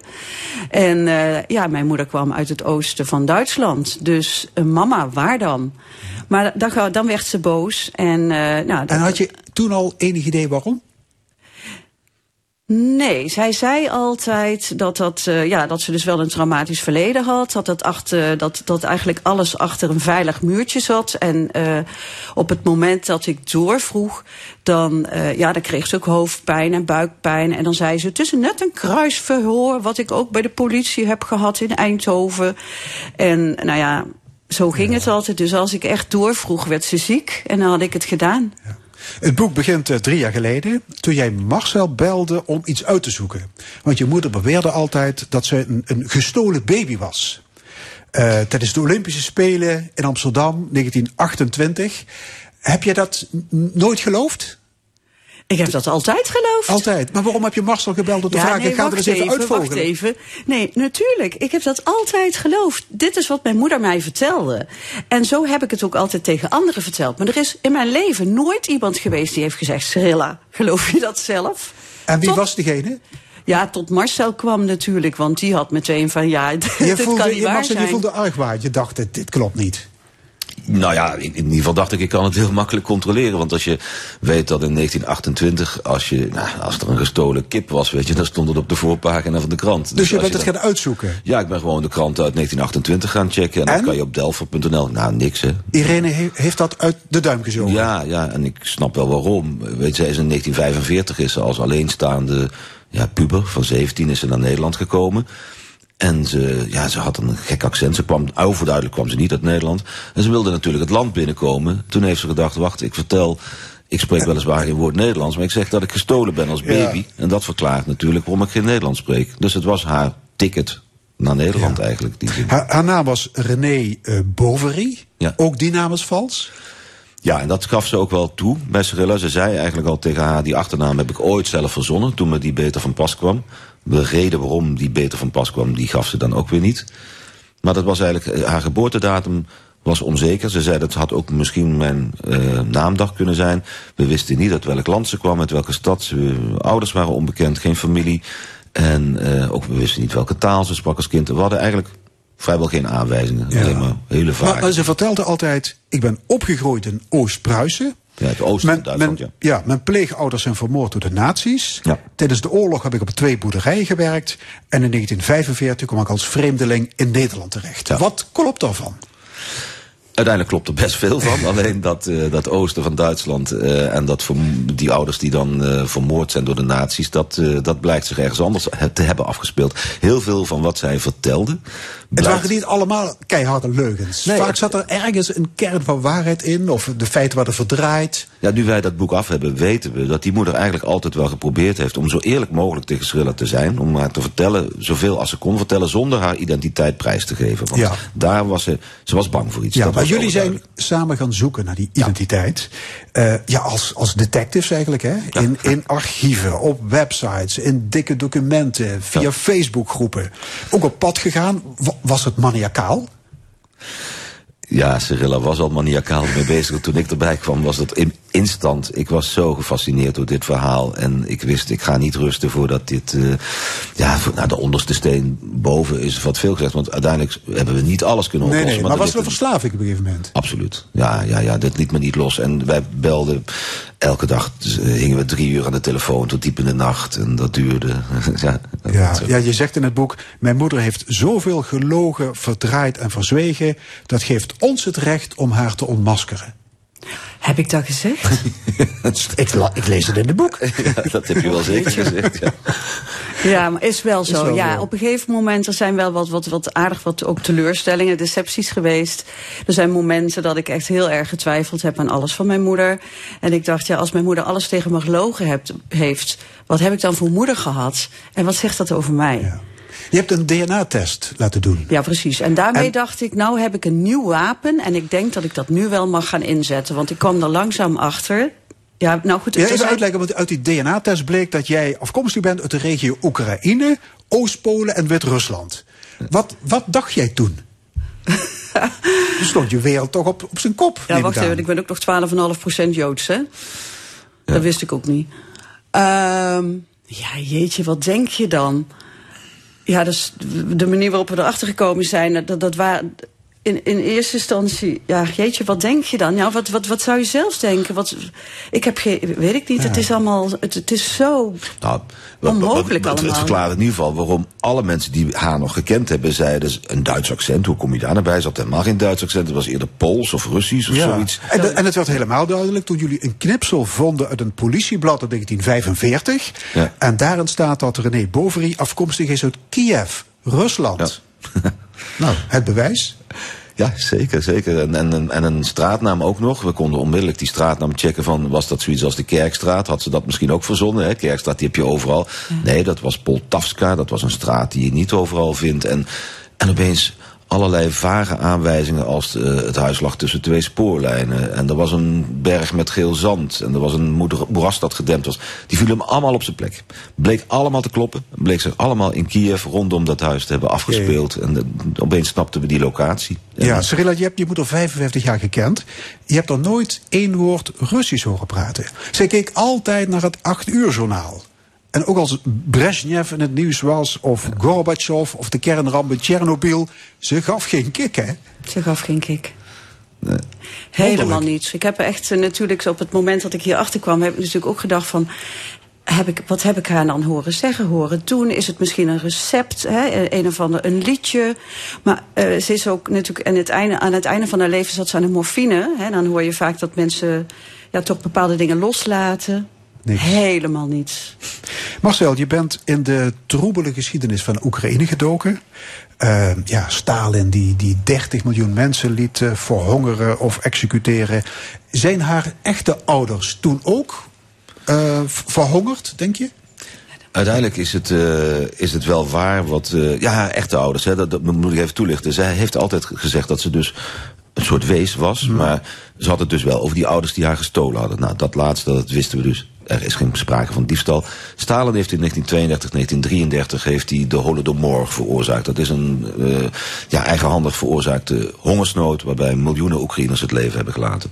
En wat daar ook gebeurde was dat, nou, afgezien van verschrikkingen als cannibalisme, dat ook ouders hun kinderen bij weeshuizen, ziekenhuizen achterlieten in de stad in de hoop dat iemand zich over hun zou ontfermen. Ja. En dat is zeer vermoedelijk wat er met deze moeder is gebeurd. Een verhongerd gezin uit uh, een boerendorp onder Kiev heeft, uh, ja, heeft haar achtergelaten in Kiev. Rijke mensen hebben zich over hun haar ontfermd. En die zijn uiteindelijk, uh, zoals heel veel, honderdduizenden mensen weer ten prooi gevallen aan Stalins wantrouwen tijdens de grote terreur. Dat was in 1937, 38. Toen heeft hij er 800.000 omgelegd. En daar zijn die ouders het slachtoffer van geworden. En dat zijn dus niet de nazi's, de Gestapo, zoals zij altijd verteld had. Maar het waren de Russen. Ja, ja je schrijft uitgebreid over de grote terreur van, van, ja. van Stalin. Ja, je weet niet wat je leest hè, af en toe. Nee, Echt dat gold voor mij ook. ook. Ik, ik, ik ben geen historicus, nee, nee, ik ben redelijk onderlegd. Maar ik, de, de, de, de schellen vielen van mijn ogen. Ja, ik, ik ken mensen die vroeger op een kamer een, een, een poster van Stalin hadden ophangen. Ja, ja. En er waren mensen, op het hoogtepunt van de Holodomor waren er nog steeds mensen die zeiden... het gaat uitstekend met de voedselvoorziening in Rusland. er is geen enkele sprake van enige schaarste. Ja. Goed, dan juni 1941. Hitler valt uh, Oekraïne binnen. De hele Joodse bevolking wordt, uh, wordt uitgemoord. Uh, Irene, jouw moeder was toen 13. Wat is er met haar gebeurd? Ik heb het liefst dat Marcel dat vertelt, want die kan het altijd zo mooi vertellen. Nou, nou zo, zo mooi ja, Hij heeft ook het historisch onderzoek gedaan, hè? Ja. Marcel. Nou ja, het, het, het, mooi was het natuurlijk niet. Maar kijk, Hitler die had gedacht dat hij met kerstmis ongeveer die Russen op zijn knieën had. Met die blitzkrieg-operatie uh, Barbarossa. Maar dat mislukte dus. En uh, het ging allemaal langer duren. En hij had arbeiders nodig in, in zijn eigen uh, rijk. Dus toen werden miljoenen Oostenarbeider, heten die mensen, die werden naar Duitsland gedeporteerd. Okay. Dus ook Irene is waarschijnlijk als 14-jarig meisje is, is zij gedeporteerd naar. Ja, mei 1942 is zij, zoals heel veel kinderen en vrouwen, jonge vrouwen, naar het westen gedeporteerd. Om, dwang, om dwangarbeid ja. te verrichten. Ja, ja. Goed, na de oorlog komt ze in Nederland terecht. Helemaal alleen, 17 jaar, getraumatiseerd. Uh, ze leidt alle instanties om de tuin. Tegen de kinderpolitie in Eindhoven vertelt ze dat ze in 1928 in Maastricht is geboren. Ja. En de adjunct-inspecteur die gaat zelfs naar Maastricht om de geboorteregisters na te kijken. Ja. Maar ja, geen boverie te vinden. Nee, ze laat zich uh, ja, niet kennen. Ze wil absoluut niet uh, vertellen waar ze geboren is, waar ze vandaan komt. En dat, dat, dat doet ze omdat er een gevaar in schuilt. Nou, daar komen we zo misschien nog over ja. te spreken. Ze vertelt die mensen de ene leugen naar de andere. En als je dit niet gelooft, maak ik je nog wel wat anders wijs. En als ze zeggen je liegt, dan zegt ze ja dat klopt, maar zoek het maar uit dan. ja, zegt die naam Boverie, jullie leggen de link met het Parc de la Boverie en Luik. Hoe, hoe zit dat? Ja, ze had uh, twee vrienden opgedaan, met name een vriendin, uh, bij dat boerenbedrijf waar ze werkte. En die kwam uit Luik en die zei na de oorlog, nemen wij je mee naar Luik, dan kun je gaan studeren. Want ze had natuurlijk kind nog kraai. Maar ja, toen had ze dus een alibi voor Luik nodig. En toen dachten ze, dan hebben we een naam nodig. Nou, Boverie is een ja. naam in Luik. Dus toen heette ze Boverie. Zo is ze aan die naam gekomen. Ja, maar ze houdt dus bij hoog en bij laag vol dat ze een kind is van Nederlandse ouders. Ja. Waarom doet ze dat? Nou vul ik wel het hele gesprek, Cyrilla, maar je vindt dat goed, geloof ik. Hè? Ja, dan ga ik dan even. Waarom doet ze dat? Uh, na de oorlog uh, gaan de Russen op zoek in heel West-Europa naar staatsburgers, naar mensen uit de Sovjet-Unie. En Oekraïne hoorde tot de Sovjet-Unie. Mm -hmm. Bij de conferentie van Yalta in 41, uh, 44 is, is afgesproken dat uh, alle Sovjetburgers moeten terug naar de Sovjet-Unie. Wie zich daaraan onttrekt, wordt vervolgd en uh, wordt nou, niet goedschiks, maar kwaadschiks teruggestuurd. En de Britten en de Amerikanen werken daar ook aan mee. Ze weten, de Sovjetburgers, dat Stalin die wil nog met hun afrekenen. Iedereen die in Duitsland heeft gezeten tijdens de oorlog is wat hem betreft een deserteur. Een landverrader. Een landverrader. Als je krijgsgevangene was geworden, dan had je je maar dood moeten vechten of zelfmoord moeten plegen. Was je een dwangarbeider, dan had je maar je bij de partisanen moeten aansluiten voordat de Duitsers je konden deporteren. Ook al was je maar 14 jaar en oud. En dat wist zij toen. En ze wist... dacht van, dat, ja, dat wordt, dat wordt dood. je dood. Dat, want Stalin gaat afrekenen met je, die stuurt je naar de gulag. Of die maakt je meteen een kopje kleiner. Dus toen zij in Nederland aankwam, wist zij... als ik nu zeg dat ik Sovjetburger ben, dat ik uit Oekraïne kom... dan word ik linea recta teruggestuurd en dan uh, ga ik dat niet overleven. Ja. Dus haar was alles eraan gelegen om dat te verhullen. Ja, ik lees in het boek dat in Midden-Limburg... daar was een Rus in uniform bezig om Russische vrouwen... gewoon op straat in een vrachtwagen te stoppen. In Melik, Roermond. Die kwam gewoon hier naartoe. Die eh, kreeg van de plaatselijke politiecommandant kreeg die een vra- vrachtwagen ter beschikking gesteld. En die ging dat gewoon. toch? Die hield gewoon op straat, hield die mensen aan, paspoort laten zien. En als je Rus was, hup, in die vrachtwagen. Maar, is, maar uiteindelijk is het hem niet gelukt. Maar zo brutaal. En in Parijs werd een vrouw werd gewoon uit haar woning gesleurd met haar kind. Afgevoerd terug naar de Sovjet-Unie. Heeft haar man nooit meer teruggezien. Dat gebeurde na de oorlog. Er waren hier gewoon Russen actief die Sovjetburgers gewoon oppakten om ze terug te sturen. En dan is de leidensweg van eh, je moeder nog niet ten einde, want ze wordt gedumpt. Dat woord wordt gebruikt in het boek. In een nonnenklooster in Tilburg. Ja, ongelooflijk welke terreur daar wordt uitgeoefend, hè? Goeie, ja, daar is natuurlijk genade. veel in de publiciteit geweest. Hè? Want Ja. dat, is, dat zijn de nonnen van de Goede Herder. En daar is eh, ja, het een en ander over bekend natuurlijk. Dat, die hebben gewoon jonge meisjes eh, eigenlijk die onder hun hoede waren gebracht. Omdat ze eigenlijk een, om allerlei redenen uit huis geplaatst waren. Vaak voor hun eigen veiligheid. Echt enorm uitgebuit. En ik denk altijd nog dat die nonnen uiteindelijk haar de das om hebben gedaan. Ja. Nou, Ja, alles wat ze meegemaakt heeft. Ja, ze wordt uiteindelijk gered, zou je kunnen zeggen, door TBC. Ja, eh, precies. waar, ze- waar ze aan leidt. Eh dan gaat ze naar het sanatorium. Maar dat is zo mogelijk nog erger. Dat is trouwens ook een, was ook een nonnensanatorium. Drie jaar heeft ze daar nog gezeten, Ja. drie keer bediend. eh, en, eh, Ja. Drie keer bediend? Drie keer bediend, ja. Ze Ja. was op sterven na dood natuurlijk, want TBC dat heerste zo mensen. En er was geen medicijn, totdat er uiteindelijk experimentele medicijnen kwamen die haar dan ja, ter nauwe nood gered hebben. Ja. Ja, en dan komt ze vrij op haar 25ste eh, ongeveer. Werd je ja, op een gegeven moment duidelijk eh, waarom je moeder zo zwijgzaam was over haar verleden? Als je ziet welke. Je bedoelt zeg maar na, eh, na de zoektocht? Ja. Of tijdens de Ja. zoektocht? Ja, ik denk wel dat ik mijn moeder eh, beter ben gaan begrijpen. Ehm, ik heb het natuurlijk altijd moeilijk gevonden. Hè? Ook zo'n uitspraak van, ja, eh, het is mijn verleden, niet het jouwe. Hè? Ze kon me echt als een, als een verwend kind toespreken. Maakte niet uit hoe oud ik was. En nu begrijp ik ook dat ze, denk ik, in haar beleving altijd zich met de rug tegen de muur aangevoeld heeft. Zo van, maar ik, ik mag het niet zeggen, ik kan het niet zeggen. Misschien is dat heel veel later, had ze daar ook anders naar kunnen kijken. Maar ik denk in haar beleving eh, heeft zij eigenlijk altijd zichzelf en misschien zelfs ook mij moeten beschermen. Ehm, ja, dat, dat, dus, eh, dat, als ik dan toch door bleef vragen, dan werd ze boos. Want ze wilde jou niet belasten met haar. Nou, ik denk dat ze gewoon ook bang was. Ik weet nog dat ik toen, ik toen ik voor de eerste keer mijn paspoort ging halen, was ze helemaal, helemaal echt, echt was ze doodsbang dat het helemaal fout zou gaan, dat ik geen paspoort zou krijgen. Dus ja, ik weet het was niet. er ook sprake van schaamte over het feit dat ze jarenlang leugens en halve nou ja, dat- waarheden vertelde? Ik, ik, dat ik ze- denk dat dat heel interessant is. Dat is denk ik ook heel leuk als je dat boek leest. Of leuk, weet ik niet of het leuk is. Ik denk dat ook als je dit boek gaat lezen, dat je als lezer je eigenlijk de hele tijd moet verhouden tot mijn moeder en tot mij. En van, oké, maar waarom doet ze dat daar op dat moment? En zou ik dat ook zo gedaan hebben? En ehm, ja, je, je kunt daar verschillende redenen voor geven. Je kunt zeggen, ja, ze was getraumatiseerd. Hè? Ze moest zichzelf beschermen omdat het anders gewoon echt helemaal dat ze onderuit zou gaan. Je kunt ook zeggen, ja, ze heeft heel lang gelogen. En ehm, ja, eh, hij wil je dan iemand eigenlijk bij wijze van spreken na je dood opzadelen met het feit dat, je, eh, dat zij een moeder heeft gehad die altijd gelogen heeft. Eh, zijn er nog andere redenen? Ja, Marcel vindt altijd eentje heel erg leuk. Die moet je nog maar even vertellen. Nou ja, zij was altijd heel boos als er een romantische film op tv was en iemand ging vreemd. En die ging dan vertellen tegen zijn of haar partner van, god, ik ben vreemd geweest. Want dan ben jij zelf je schuldgevoel kwijt, wat je normaal maar mee moet torsen. En die andere zadel je op met de pijn. Nee, dan moet je het ook tot het eind toe verzwijgen, was haar uh, stellige mening. Veelzeggend. Ja, dus dat heeft ze misschien Ja. ook wel gedaan. Ik heb nou, Ja. eh, Ja. Citaat uit het boek. Als kind slachtoffer van de communisten, als tiener van de fascisten en als jongvolwassene van de nonnen. Ja, wat een treurnis. hè. Ja, als, ja, als je een film zou maken over haar leven, zou je als kijker denken: ja, wat ongeloofwaardig. Mag Zoveel ellende, minder, dat, dat kan niet. Dat is zo. het, het, het is echt een, een vanaf de geboorte eh, tot, tot eh, eigenlijk haar 25ste is het dan een eenreiging van verschrikkelijkheden. Ja.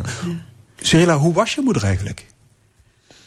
Hoe was mijn moeder? Dat is de een van de moeilijkste vragen. Ik, ehm, ja, ik, ik heb zielsveel van haar gehouden. En ik denk met recht. Uh, ze was heel lief, heel zorgzaam, maar ze was ook tegelijkertijd overbezorgd. Daar heeft ze het mij niet mee makkelijk meegemaakt. Ik, hè, ze was altijd bang dat ik ziek zou worden. Dus ik moest, uh, ook als het 30 graden was, moest ik een jasje aan. Terwijl ik wilde natuurlijk zijn als alle andere kinderen. Met korte rokjes en zonder jasje. En uh, uh, dus uh, nou, da daar heeft ze het mij niet makkelijk meegemaakt. Ik was altijd een buitenbeentje. En, wat zou, heeft... en wat zou ze van dit boek hebben gevonden?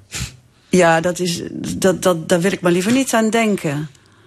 Ik, ik, weet je, eh, ook dat is denk ik best interessant aan het boek. Dat um, mijn moeder was getraumatiseerd, maar ze heeft natuurlijk ook, ook heel veel.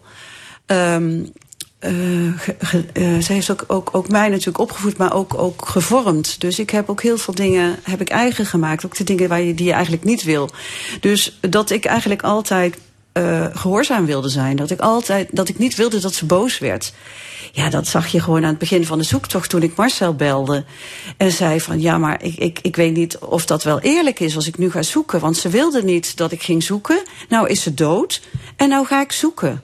Dat, dat mag toch eigenlijk niet? Ja, en dat Marcel had zo van, joh, doe even normaal. Ja. En er is trouwens nog een klein happy end, want tijdens die zoektocht hebben jullie elkaar gevonden. Ja, dus dan denk Mooi ik toch, toch dat ze het misschien, dan denk ik toch dat ze het misschien wel goed heeft gevonden. Okay. Hartelijk dank, Cyrilla van der Donk en Marcel Maassen. Uh, het boek Wat Mama niet vertellen kon, ligt in de winkel. Dank je. En dit is L1 met de stemming. We zijn er tot 1 uur. Zometeen de column van Rezi Kouwmans. Maar eerst Tom O'Dell vanavond te zien en te horen op Pinkpop. Wellicht dan ook met Another Love.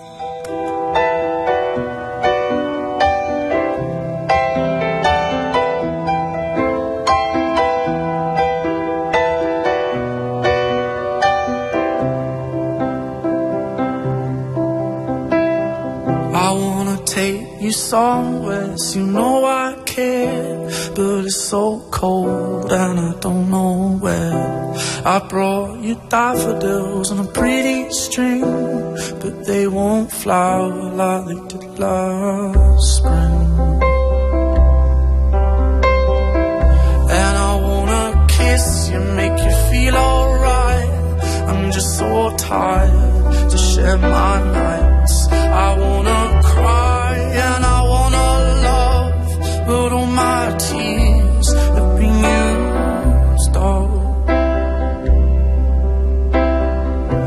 on another love, another love. All my tears been used all on another love, another love. All my tears have been used all on another love another love. All my tears have been used all.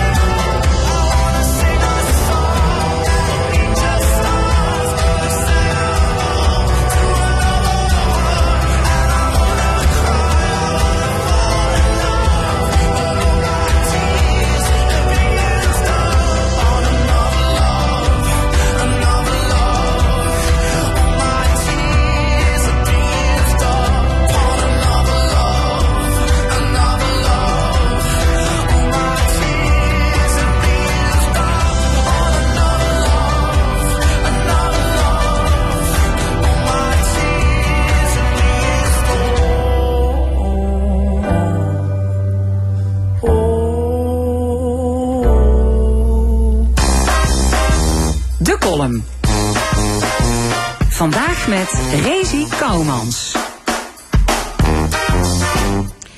Goeiemiddag, leef loesteraars. Ik weet niet of het aan mij of aan het weer. Maar ik denk aan het eerste. Maar ik ben ontzettend weers. Dit werd namelijk voor mij de laatste column voor dit seizoen. En wie ik erover nadacht, bedacht ik me dat ik dit al twaalf jaar doe. Al twaalf jaar. Ik weet nog goed wie ik de eerste schreef. Toen nog voor het balkon van Limburg. En die ging over, wie koos het ook anders? Jos van Rij. Wie zielig dat er zichzelf woont, dat er niks fout gedaan hij, toch voor de rechter moest komen en het moeten aftreden. En inmiddels zit er weer. En toevallig of niet, staat er weer een monumentale gevel in Remun op omkiepen. Er is per ongeluk te veel gesloopt. En er komen nu appartementen in. Kijk, acht jaar lang is er in Remun niks ingestort. En nu, ik werd er weers van. En morgen mogen we een nieuwe burgemeester kiezen. En ik ben benieuwd en een beetje huiverig over wat dat gaat weren. Maar goed, twaalf jaar lang heb ik mijn eigen Dux ongefundeerde mening over mijn stad, provincie, land en wereld mogen uitspreken. Over Pipo Trump, zoeken drinkende Markje Rutte, Jos, boeren, burgers en buitenlui. Soms kwatsch, soms serieus, soms zelfs verdrietig, maar altijd met een kwinkslag en relativering. Het heeft trouwens weinig zin gehad, want zoals ik al zei, Van Rij zit er weer, Rutte zit er nog steeds en Trump bino. Enfin, al had het geen zin. Voor mij was het wel een goeie uitlaatklep. Ik kon zeggen wat ik wou. Maar de laatste tijd heb ik echter het gevoel dat dat niet meer kent. Gisteren hoorde ik toevallig André van Duin nog zeggen... humor gaat altijd over iets of iemand. Anders gaat het nergens over. Maar als ze tegenwoordig bewijzen van spreken een grapje over een ijzelmeuks... heb ze al de hele partij voor de dieren achter de gaan. Er voelt zich altijd wel eens gekwetst of aangevallen. Grapjes werden niet begrepen of uit de context geplaatst.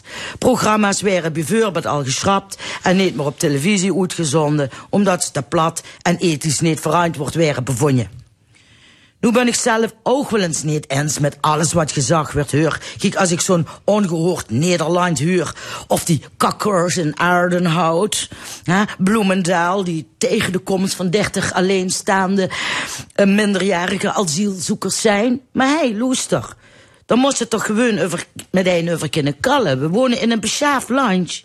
Nogmaals, daar werd ik weers van. En als iemand op een terras begint te zaniken over de rook van mijn sigaret, zou ik er liefst steen tegelijk opsteken. En als ik reclame op de televisie zie van niks onder de 18, krijg ik spontaan zin in een glas bier. En als ik het gevoel krijg dat ik niks meer mocht zeggen, wil ik keihel gaan schrijven. Het werd tijd voor bezinning. Dus, leef loesterers. Deze zomer ga ik eens duchtig nadenken of ik volgend seizoen nog wel terug wil komen als columnist. Je kunt me daarbij helpen. Ik ben heel benieuwd naar uw mening. Dus bel, app, mail of schrijf naar L1, resie terug of cancelen de hap. De column van Rezi Komans. We gaan verder in de stemming met een onze discussiepanels. Vandaag over de verengelsing van onze universiteiten, de gevaren van AI-technologie en de tariefsverhoging in het openbaar vervoer. Aan tafel journalist Monique Parre van de Limburger, headhunter Wim Haan en docent Luc Wienans. Ja, minister Robert Dijkgraaf die zet de rem op de verengelsing van het hoger onderwijs. Met ingang van het collegejaar 2025-2026 mag maximaal een derde van de vakken tijdens een opleiding in de bachelorfase in een andere taal worden gegeven dan het Nederlands. Ja, zijn jullie het met de minister eens dat er nu te veel colleges in het Engels worden gegeven? Monique? Ja, ik ben daar een beetje twijfelachtig over. Uh, ik snap uh, de beweegredenen. Je, uh, je zit op een Nederlandse universiteit. Hè. Het lijkt me ook logisch voor de integratie van die buitenlandse studenten dat die Nederlands leren spreken. Maar goed, aan de andere kant, het mes snijdt ook aan twee kanten. Als je als student op zo'n universiteit zit en je wil je wat breder oriënteren, hè, ook in het buitenland, dan kom je natuurlijk met Nederlands niet echt ver. En dan denk ik, kan het weer bevorderlijk zijn als je goed Engels spreekt en, en schrijft. Ja goed, daar heb je toch een beetje een voordeel mee. Dus ik ben er voor mezelf nog niet helemaal uit, moet ik heel eerlijk zeggen. Ja. Uh, iemand anders, Luc, jij wel? Ja, nou ja, in de afgelopen jaren is de verengelsing toegenomen en daarmee ook het aantal internationale studenten in, uh, in Nederland. Ja, dat gaat Maastricht over... trouwens ja. als top, stopper, hè? Ja. Meer dan de helft. Ja. 115.000 in heel Nederland, dat is ontzettend veel. En aan zich is dat allemaal nog niet zo erg, want we willen juist meedoen aan de internationalisering. We weten dat de hele economie steeds internationaler wordt. maar tegelijkertijd zien we ook dat onze universiteiten ja, overstroomd worden bijna door die internationale studenten. Dat zet een een enorme druk op de woningbehoefte. Uh, maar ook de collegezalen. Daar zie je in dat Engels inderdaad zo ver de voertaal wordt. Dat ook de Nederlandse studenten meegaan in dat Engels. En eigenlijk het Nederlands heel erg verwaarlozen. En tegelijkertijd zie je ook nog een keer dat er een aantal studies zijn. Waar je van kunt afvragen waarom in het Engels. Het aantal uh, studenten die vertrekken naar het behalen van hun diploma is enorm groot. Dus ja, Pieter Omtzigt gaf afgelopen week dat voorbeeld van de Duitse student die zeg maar hier in Nederland psychologie in het Engels komt studeren. Nou, 90% is ook direct terug daarna naar Nederland. Engeland, uh, naar, naar, Duitsland. Naar Duitsland. Ja. En, uh, en, en vervolgens is het effect dus voor de Nederlandse markt, of dat je kunt zeggen, god, dat vult een behoefte in in Nederland, is er niet. Dus dan, ja, en ik vind het wel goed dat de minister heeft gezegd, we moeten naar maatwerk gaan kijken. Dus uh, ik vind het een terechte discussie. Uh, en ik vind het ook goed om naar maatwerk te kijken, omdat natuurlijk voor Maastricht het anders ligt als voor de Randstad. Ja. Oké, okay, komen we misschien zo meteen op, Wim Haan. Ja. Kijk jij dan naar? Ik, kijk er, uh, ik, ik hoop dat Maastricht een, een uh, Engelse universiteit wordt. Dan hebben we een USP. Engelstalig. Ja, Engelstalig dan. Hè, Engelstalig. Ja, ja. Dan hebben we een USP, hè, zoals dat in het Engels heet. Unique selling point. Ik denk dat er keuzes gemaakt moeten worden, want van alles een beetje werkt natuurlijk niet. Uh, en Engels is uh, en wordt en is en blijft de taal. Dus um, er komen wel allemaal redenen bij. Uh, ik, ik, hoor jou een aantal zeggen, uh, Luc, maar er, komen ook regels bij of redena redenaties bij dat het de bergdruk of, de, of de woningbouw of iets dergelijks betreft. Ik zou ontzettend blij zijn als in Limburg heel veel jong volk hier naar een universiteit en hogescholen komen, ook al is dat in het Engels. Ja, maar er zijn inderdaad, Luc zegt het ook al, er zijn heel veel studies uh, waar studenten naar de hand gewoon in, een Neder gewoon in Nederland aan de slag gaan. Hè, psycholoog, uh, ik, je zou toch willen dat een psycholoog vooral zich goed in het Nederlands kan uitdrukken. En, en, niet zozeer in het Engels als je in Nederland gaat werken. Een dokter, uh, advocaat, noem maar op. Er zijn heel veel van dat soort beroepen. De vraag is, waarom zou je dat überhaupt in het Engels moeten gaan aanbieden? Ja, dat, dat bleek ook wel inderdaad afgelopen week. En, en daar staat natuurlijk ook nog een kostenplaatje tegenover. Hè. Uh, Omzicht rekende uit dat dat zo'n beetje 14.000 euro per jaar per student kost. Uh, waar je dan eigenlijk aan het eind van de studie vervolgens geen enkel rendement als Nederlander hebt. Is het een pervers systeem? Want die universiteiten worden, die krijgen hiervoor betaald. En daarom doen ze het voor een groot deel natuurlijk ook. Dat, dat, dat is ook zo, maar het is natuurlijk, een, een, 15 jaar geleden is dit echt bedacht en op de kaart gezet. En heeft enorme positieve effecten ook voor de stad Maastricht gehad. En voor de Universiteit in Maastricht. Is ook ja, vind ik heel, heel uh, passend, omdat natuurlijk de meest internationale stad van Nederland is Maastricht. Uh, zo, als je naar de ligging kijkt, uh, is daarin ook zeer kansrijk met een RWTH in Aken, net over de grens. En daar die verbinding is ook fantastisch. Daar liggen heel veel kansen en mogelijkheden. Dat is anders dan bijvoorbeeld in Amsterdam of de randstedelijke universiteiten. Dus dat daar de druk zo groot is. Het, het, gaat op dit moment om 27.000 kamers die tekort zijn voor studenten. Ja, ga maar eens naar Amsterdam, probeer daar maar eens een, uh, iets te vinden. Ook voor de Nederlandse studenten is dat onmogelijk. Dus ik vind het een goede optie om vooral naar dat maatwerk te ja. kijken, zoals de minister het nu heeft ingezet. Ja. ja. Ja, we, we, zijn in Nederland ook wel koploper, begrijp ik, in Europa. Hè, met het aanbieden van Engelstalige opleidingen. Vinden wij onze eigen taal misschien niet zo belangrijk? Nou, ik denk niet dat je het daarin moet zoeken. Ik denk, uh, ja, Nederland heeft natuurlijk een beperkt afzetgebied, om dat zomaar eens te zeggen. En ik denk inderdaad, Uh, wat Wim ook uh, zegt, ja goed, Engels is toch uh, steeds meer, of we dat nou leuk vinden of niet, een internationale voertaal. En ja goed, natuurlijk, er is woningnood onder studenten. Hè, en buitenlandse studenten kapen misschien voor het gevoel van sommige kamers weg voor onze eigen Nederlandse studenten. Maar ik zou toch ook willen zeggen, ja, al die buitenlandse mensen hier, dat brengt natuurlijk ook een bepaalde verdieping en verbreding uh, ook cultureel met zich mee. Uh, en ja, het is hier veel meer een issue, uh, heb ik het gevoel, dan in de Randstad. ja, goed, dat, dat vraag me af waar dat nou precies aan ja. ligt. Ja, je, je, zegt nu van dat, dat brengt misschien wel een extra dynamiek, al die buitenlandse studenten. Ik las deze week een stuk van René Gabriels, die is een wetenschapper hier aan de Universiteit Maastricht. Die zegt, juist die verengelsing, dat leidt tot een grotere kloof tussen de wetenschap en de samenleving. Want die wetenschappers communiceren dadelijk niet meer met de samenleving, omdat ze in het Engels uh, opereren. Dus ook een grotere kloof tussen de hoger en de lager opgeleide. Die universiteit komt los van de maatschappij. Ja, ik, ik vind dat ook wel eerlijk gezegd zichtbaar als je door de stad streek loopt. Hè. Het, uh, je komt op iedere hoek van de straat hoor je een andere taal. Ik vind dat prachtig. Ja, maar je ziet wel Gabriel vindt dat niet prachtig. Die nee. vindt juist dat die, ook, dat die universiteit moet aansluiten bij ja, de maatschappij. Het, het, is ook een soort parallele samenleving. Ja. Nou, want je ziet het volstrekt los van elkaar opereren en functioneren. En wat dat betreft vind ik dat nou ook juist de slag die gemaakt moet gaan worden. om die internationale studenten ook perspectief te bieden voor de toekomst. een verblijf in Nederland of in die EU-regio. En daar is meer voor nodig. En niet alleen dat studenten naar die periode kijken, maar ja, zorg voor die integratie van die studenten. Zorg dat er mogelijkheden ook aan aankomen om hier een bestaan op te bouwen. En zorg dat die, die Engels of die buitenlandse studenten misschien ook Nederlands gaan, uh, gaan leren. Of dialecten. Ja, we zitten nog altijd in Maastricht natuurlijk. Hè. Dat, dat, staat, dat staat best, ook, ook weer ja. in de krant. Hè. Het ja. gaat over Engels. Even later komt er onderzoek hoe leer ik mijn kind dialect spreken. Dus ja, nee, ik, ik ben het wel eens. Maar als we hier nou kiezen voor een, die USP, de Unique Selling Point, toch weer dat Engelse begrip.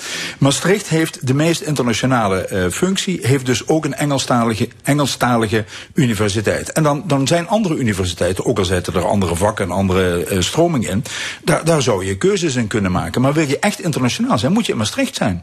En ook in Maastricht ja. rondlopen. Wat wel leuk is, dat sluit precies aan bij wat de Raad voor de Leefomgeving en Infrastructuur onlangs in een rapport heeft geschreven. Die zeggen namelijk dat het grootste deel van het overheidsbudget gaat naar de Randstad en niet naar de regio's. Nou, dit is een heel mooi voorbeeld uh, waarmee je zou kunnen zeggen, daar zou de regio baat bij hebben ja, om zeker. daar invulling aan te geven. Goed, ander nieuws deze week. Tientallen politici en wetenschappers hebben een petitie ondertekend waarin gewezen wordt op de risico's van kunstmatige intelligentie. En daarom moet de overheid de controle nemen en regels opstellen.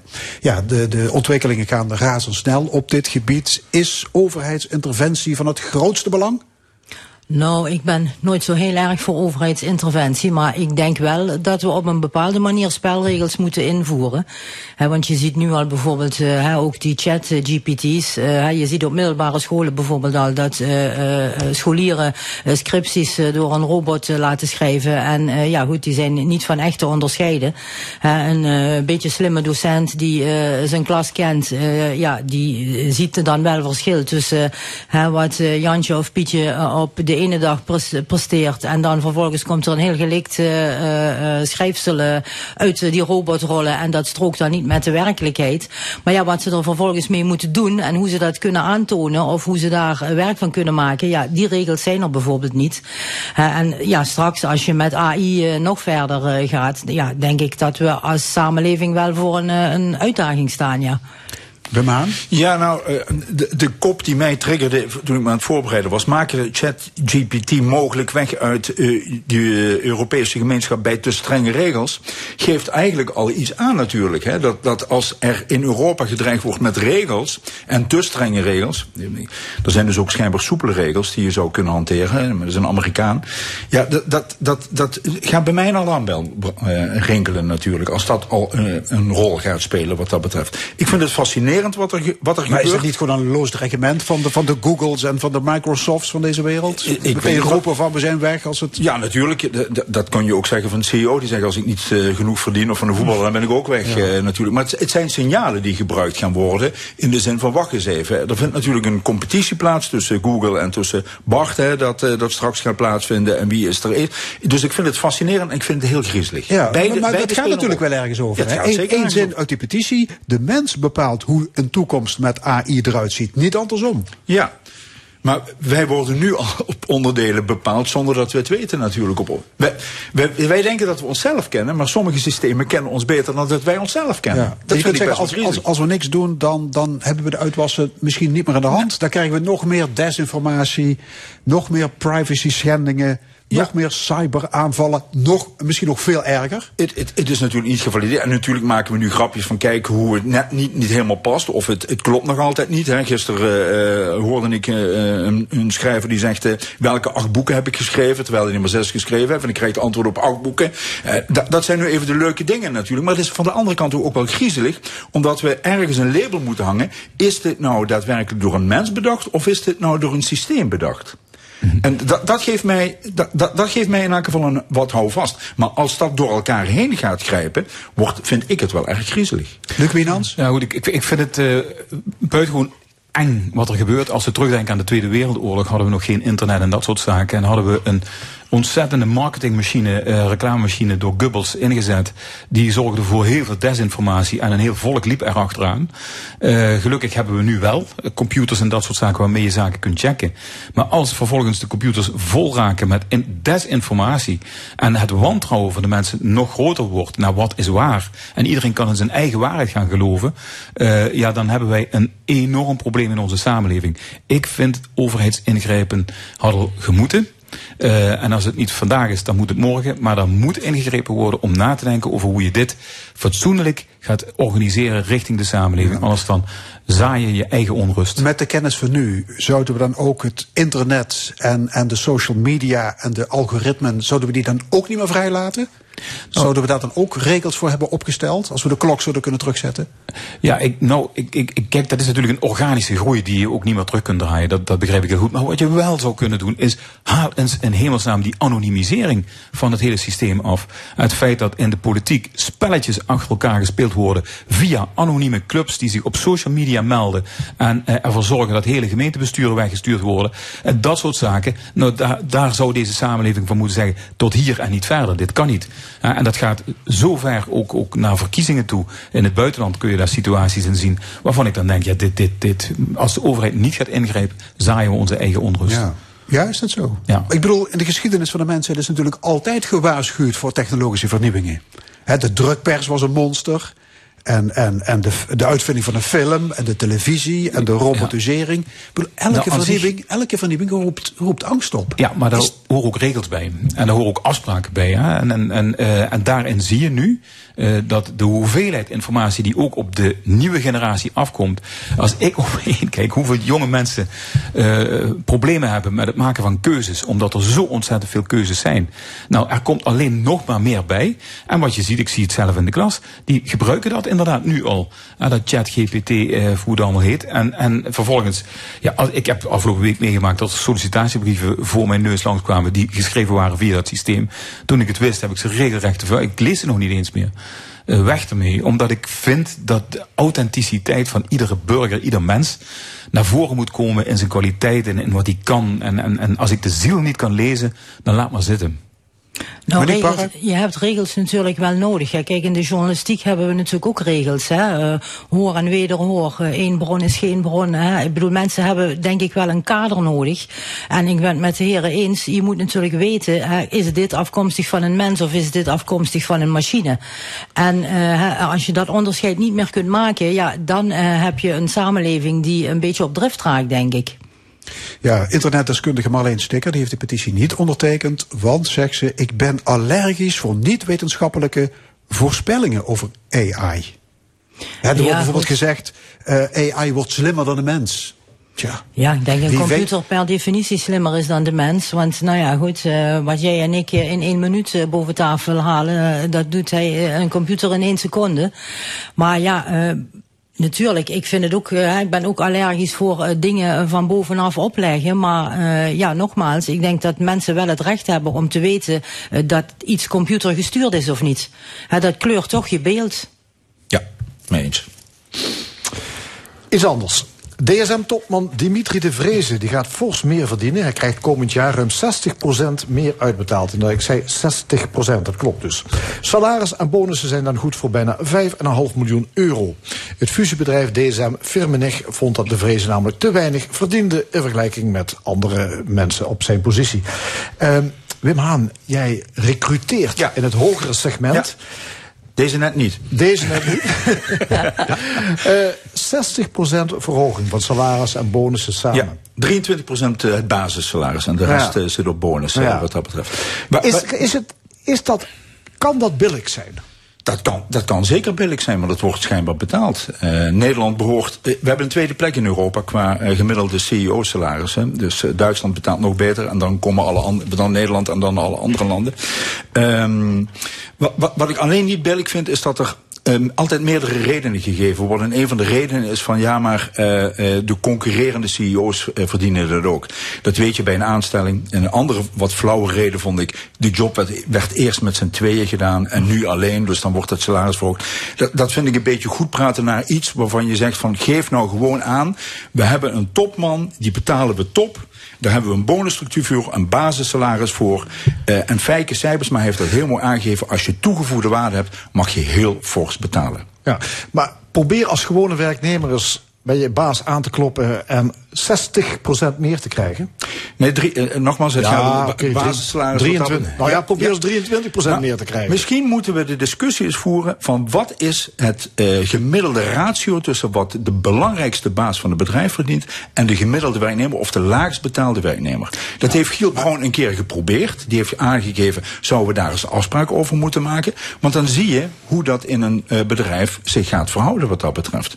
Overigens stijgen salarissen van eh, de laatste tijd ook redelijk fors. Ja, maar ik vind het, dit heeft helemaal niks meer te maken met salarissen. Dit, dit, dit- dit- Waar heeft het dan mee te maken, eh, Luc? Deze eh, meneer eh, krijgt, als ik het zo begrijp en omreken, dan krijgt hij per maand 450.000 euro op zijn rekening. Ja. Vier, dat is meer dan. eh, Het verdient zeg- Messi op een dag. Ja, nou laten we niet met mensen, Ja, maar, maar laten we dan, laten we onze minister-president pakken. Waarvan ik toch vind dat iemand, als heel, iemand die heel veel verantwoordelijkheid draagt, die verdient dat nog niet in een jaar. Nou, wat deze meneer in een maand verdient. Kijk, waar het, wat er gebeurt is, wij worden allemaal opgevoed. Hè?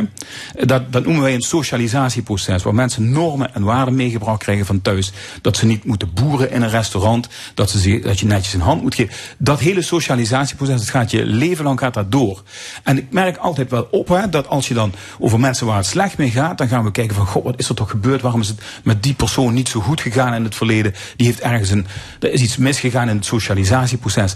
Als jij accepteert dat je zo'n salaris per maand krijgt en dit salaris per jaar, dan is er ook iets ernstig misgegaan in je socialisatieproces. Dit gaat zo ver af van de normen en waarden die wij met elkaar delen in deze, eh, dominant delen in deze gemeenschap. Dan denk ik echt van, Kun je je nou voorstellen? Het DSM Mannenkoor treedt op. En dan komt de beschermheer binnen, Dominique Tevreden. Dat mannenkoor, het beste koor van, eh, van de regio zal ik maar zeggen. Die staan daar allemaal, hun, hun, hun centjes verdiend. En dan komt deze meneer als beschermheer binnen. Dan schaam je je toch kapot?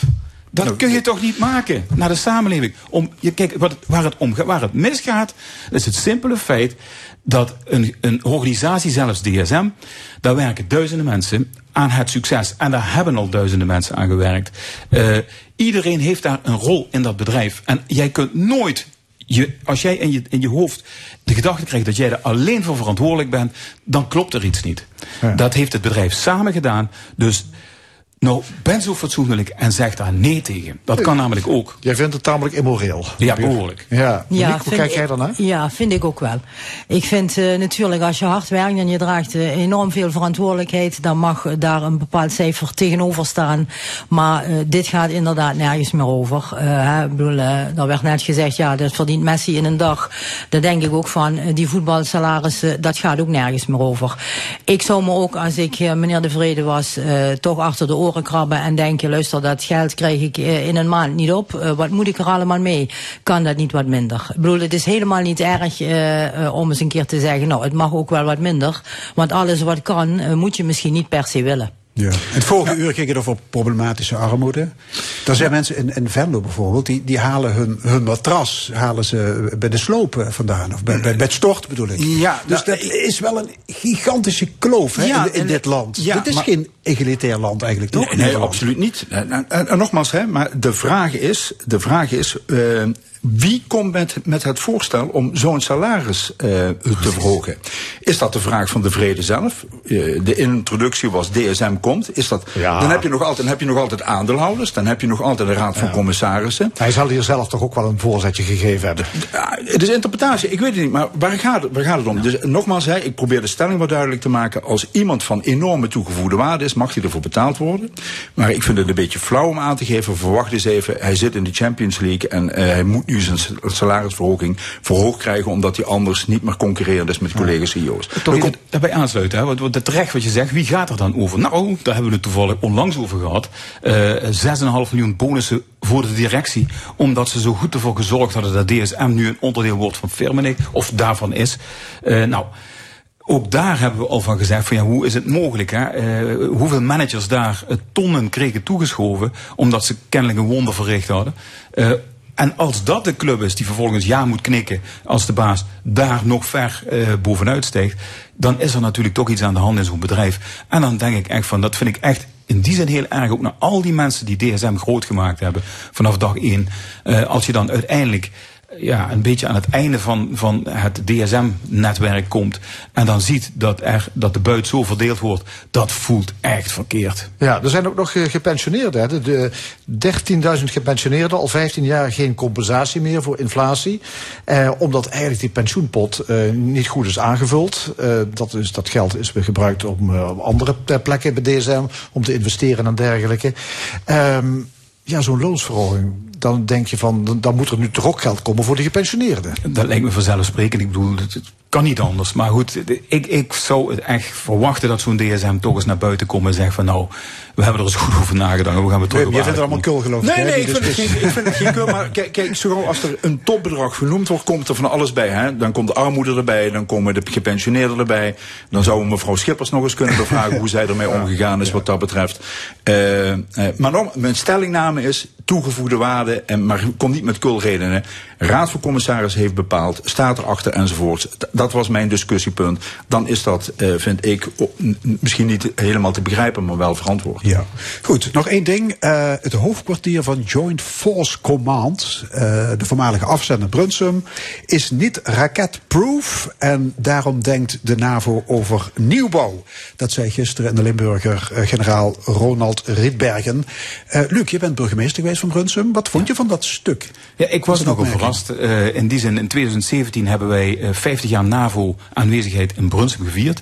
Met de top van de NAVO erbij. Eh, met onze koning erbij. Daar zijn ook allerlei gesprekken gevoerd. Eh, op dat moment dat dat feest gevierd werd, was er onlangs voor zo'n ruim 30, 35 miljoen weer geïnvesteerd opnieuw in de basis.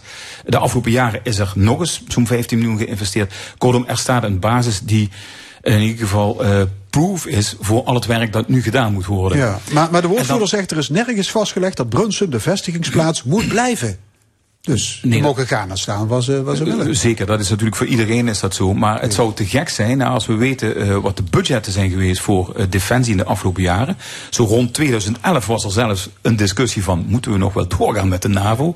Nou, op dit moment zie je natuurlijk dat echt de panelen volledig zijn verschoven. Eh, ik verwacht dat de NAVO nog lange tijd in Brunsum kan blijven. Eh, er is een heel sterke basis opgebouwd en die kan ook uitgroeien en zo blijven. Dus daar mag opnieuw geïnvesteerd worden. Oké, hartelijk dank discussiepanel. Luc Wienans, Monique Parre en Wim Haan. Tot de volgende keer. En dit was de stemming. Vandaag gemaakt door Tino Holleman, Fons Geraas en Frank Ruber. Graag tot volgende week zondag en dan weer gewoon om 11 uur. En dit programma is na te luisteren op onze website l1.nl en ook via podcast. Zometeen op deze zender Paul Verstegen met de zalige zondagmiddag. Ik wens u nog een mooie zondag.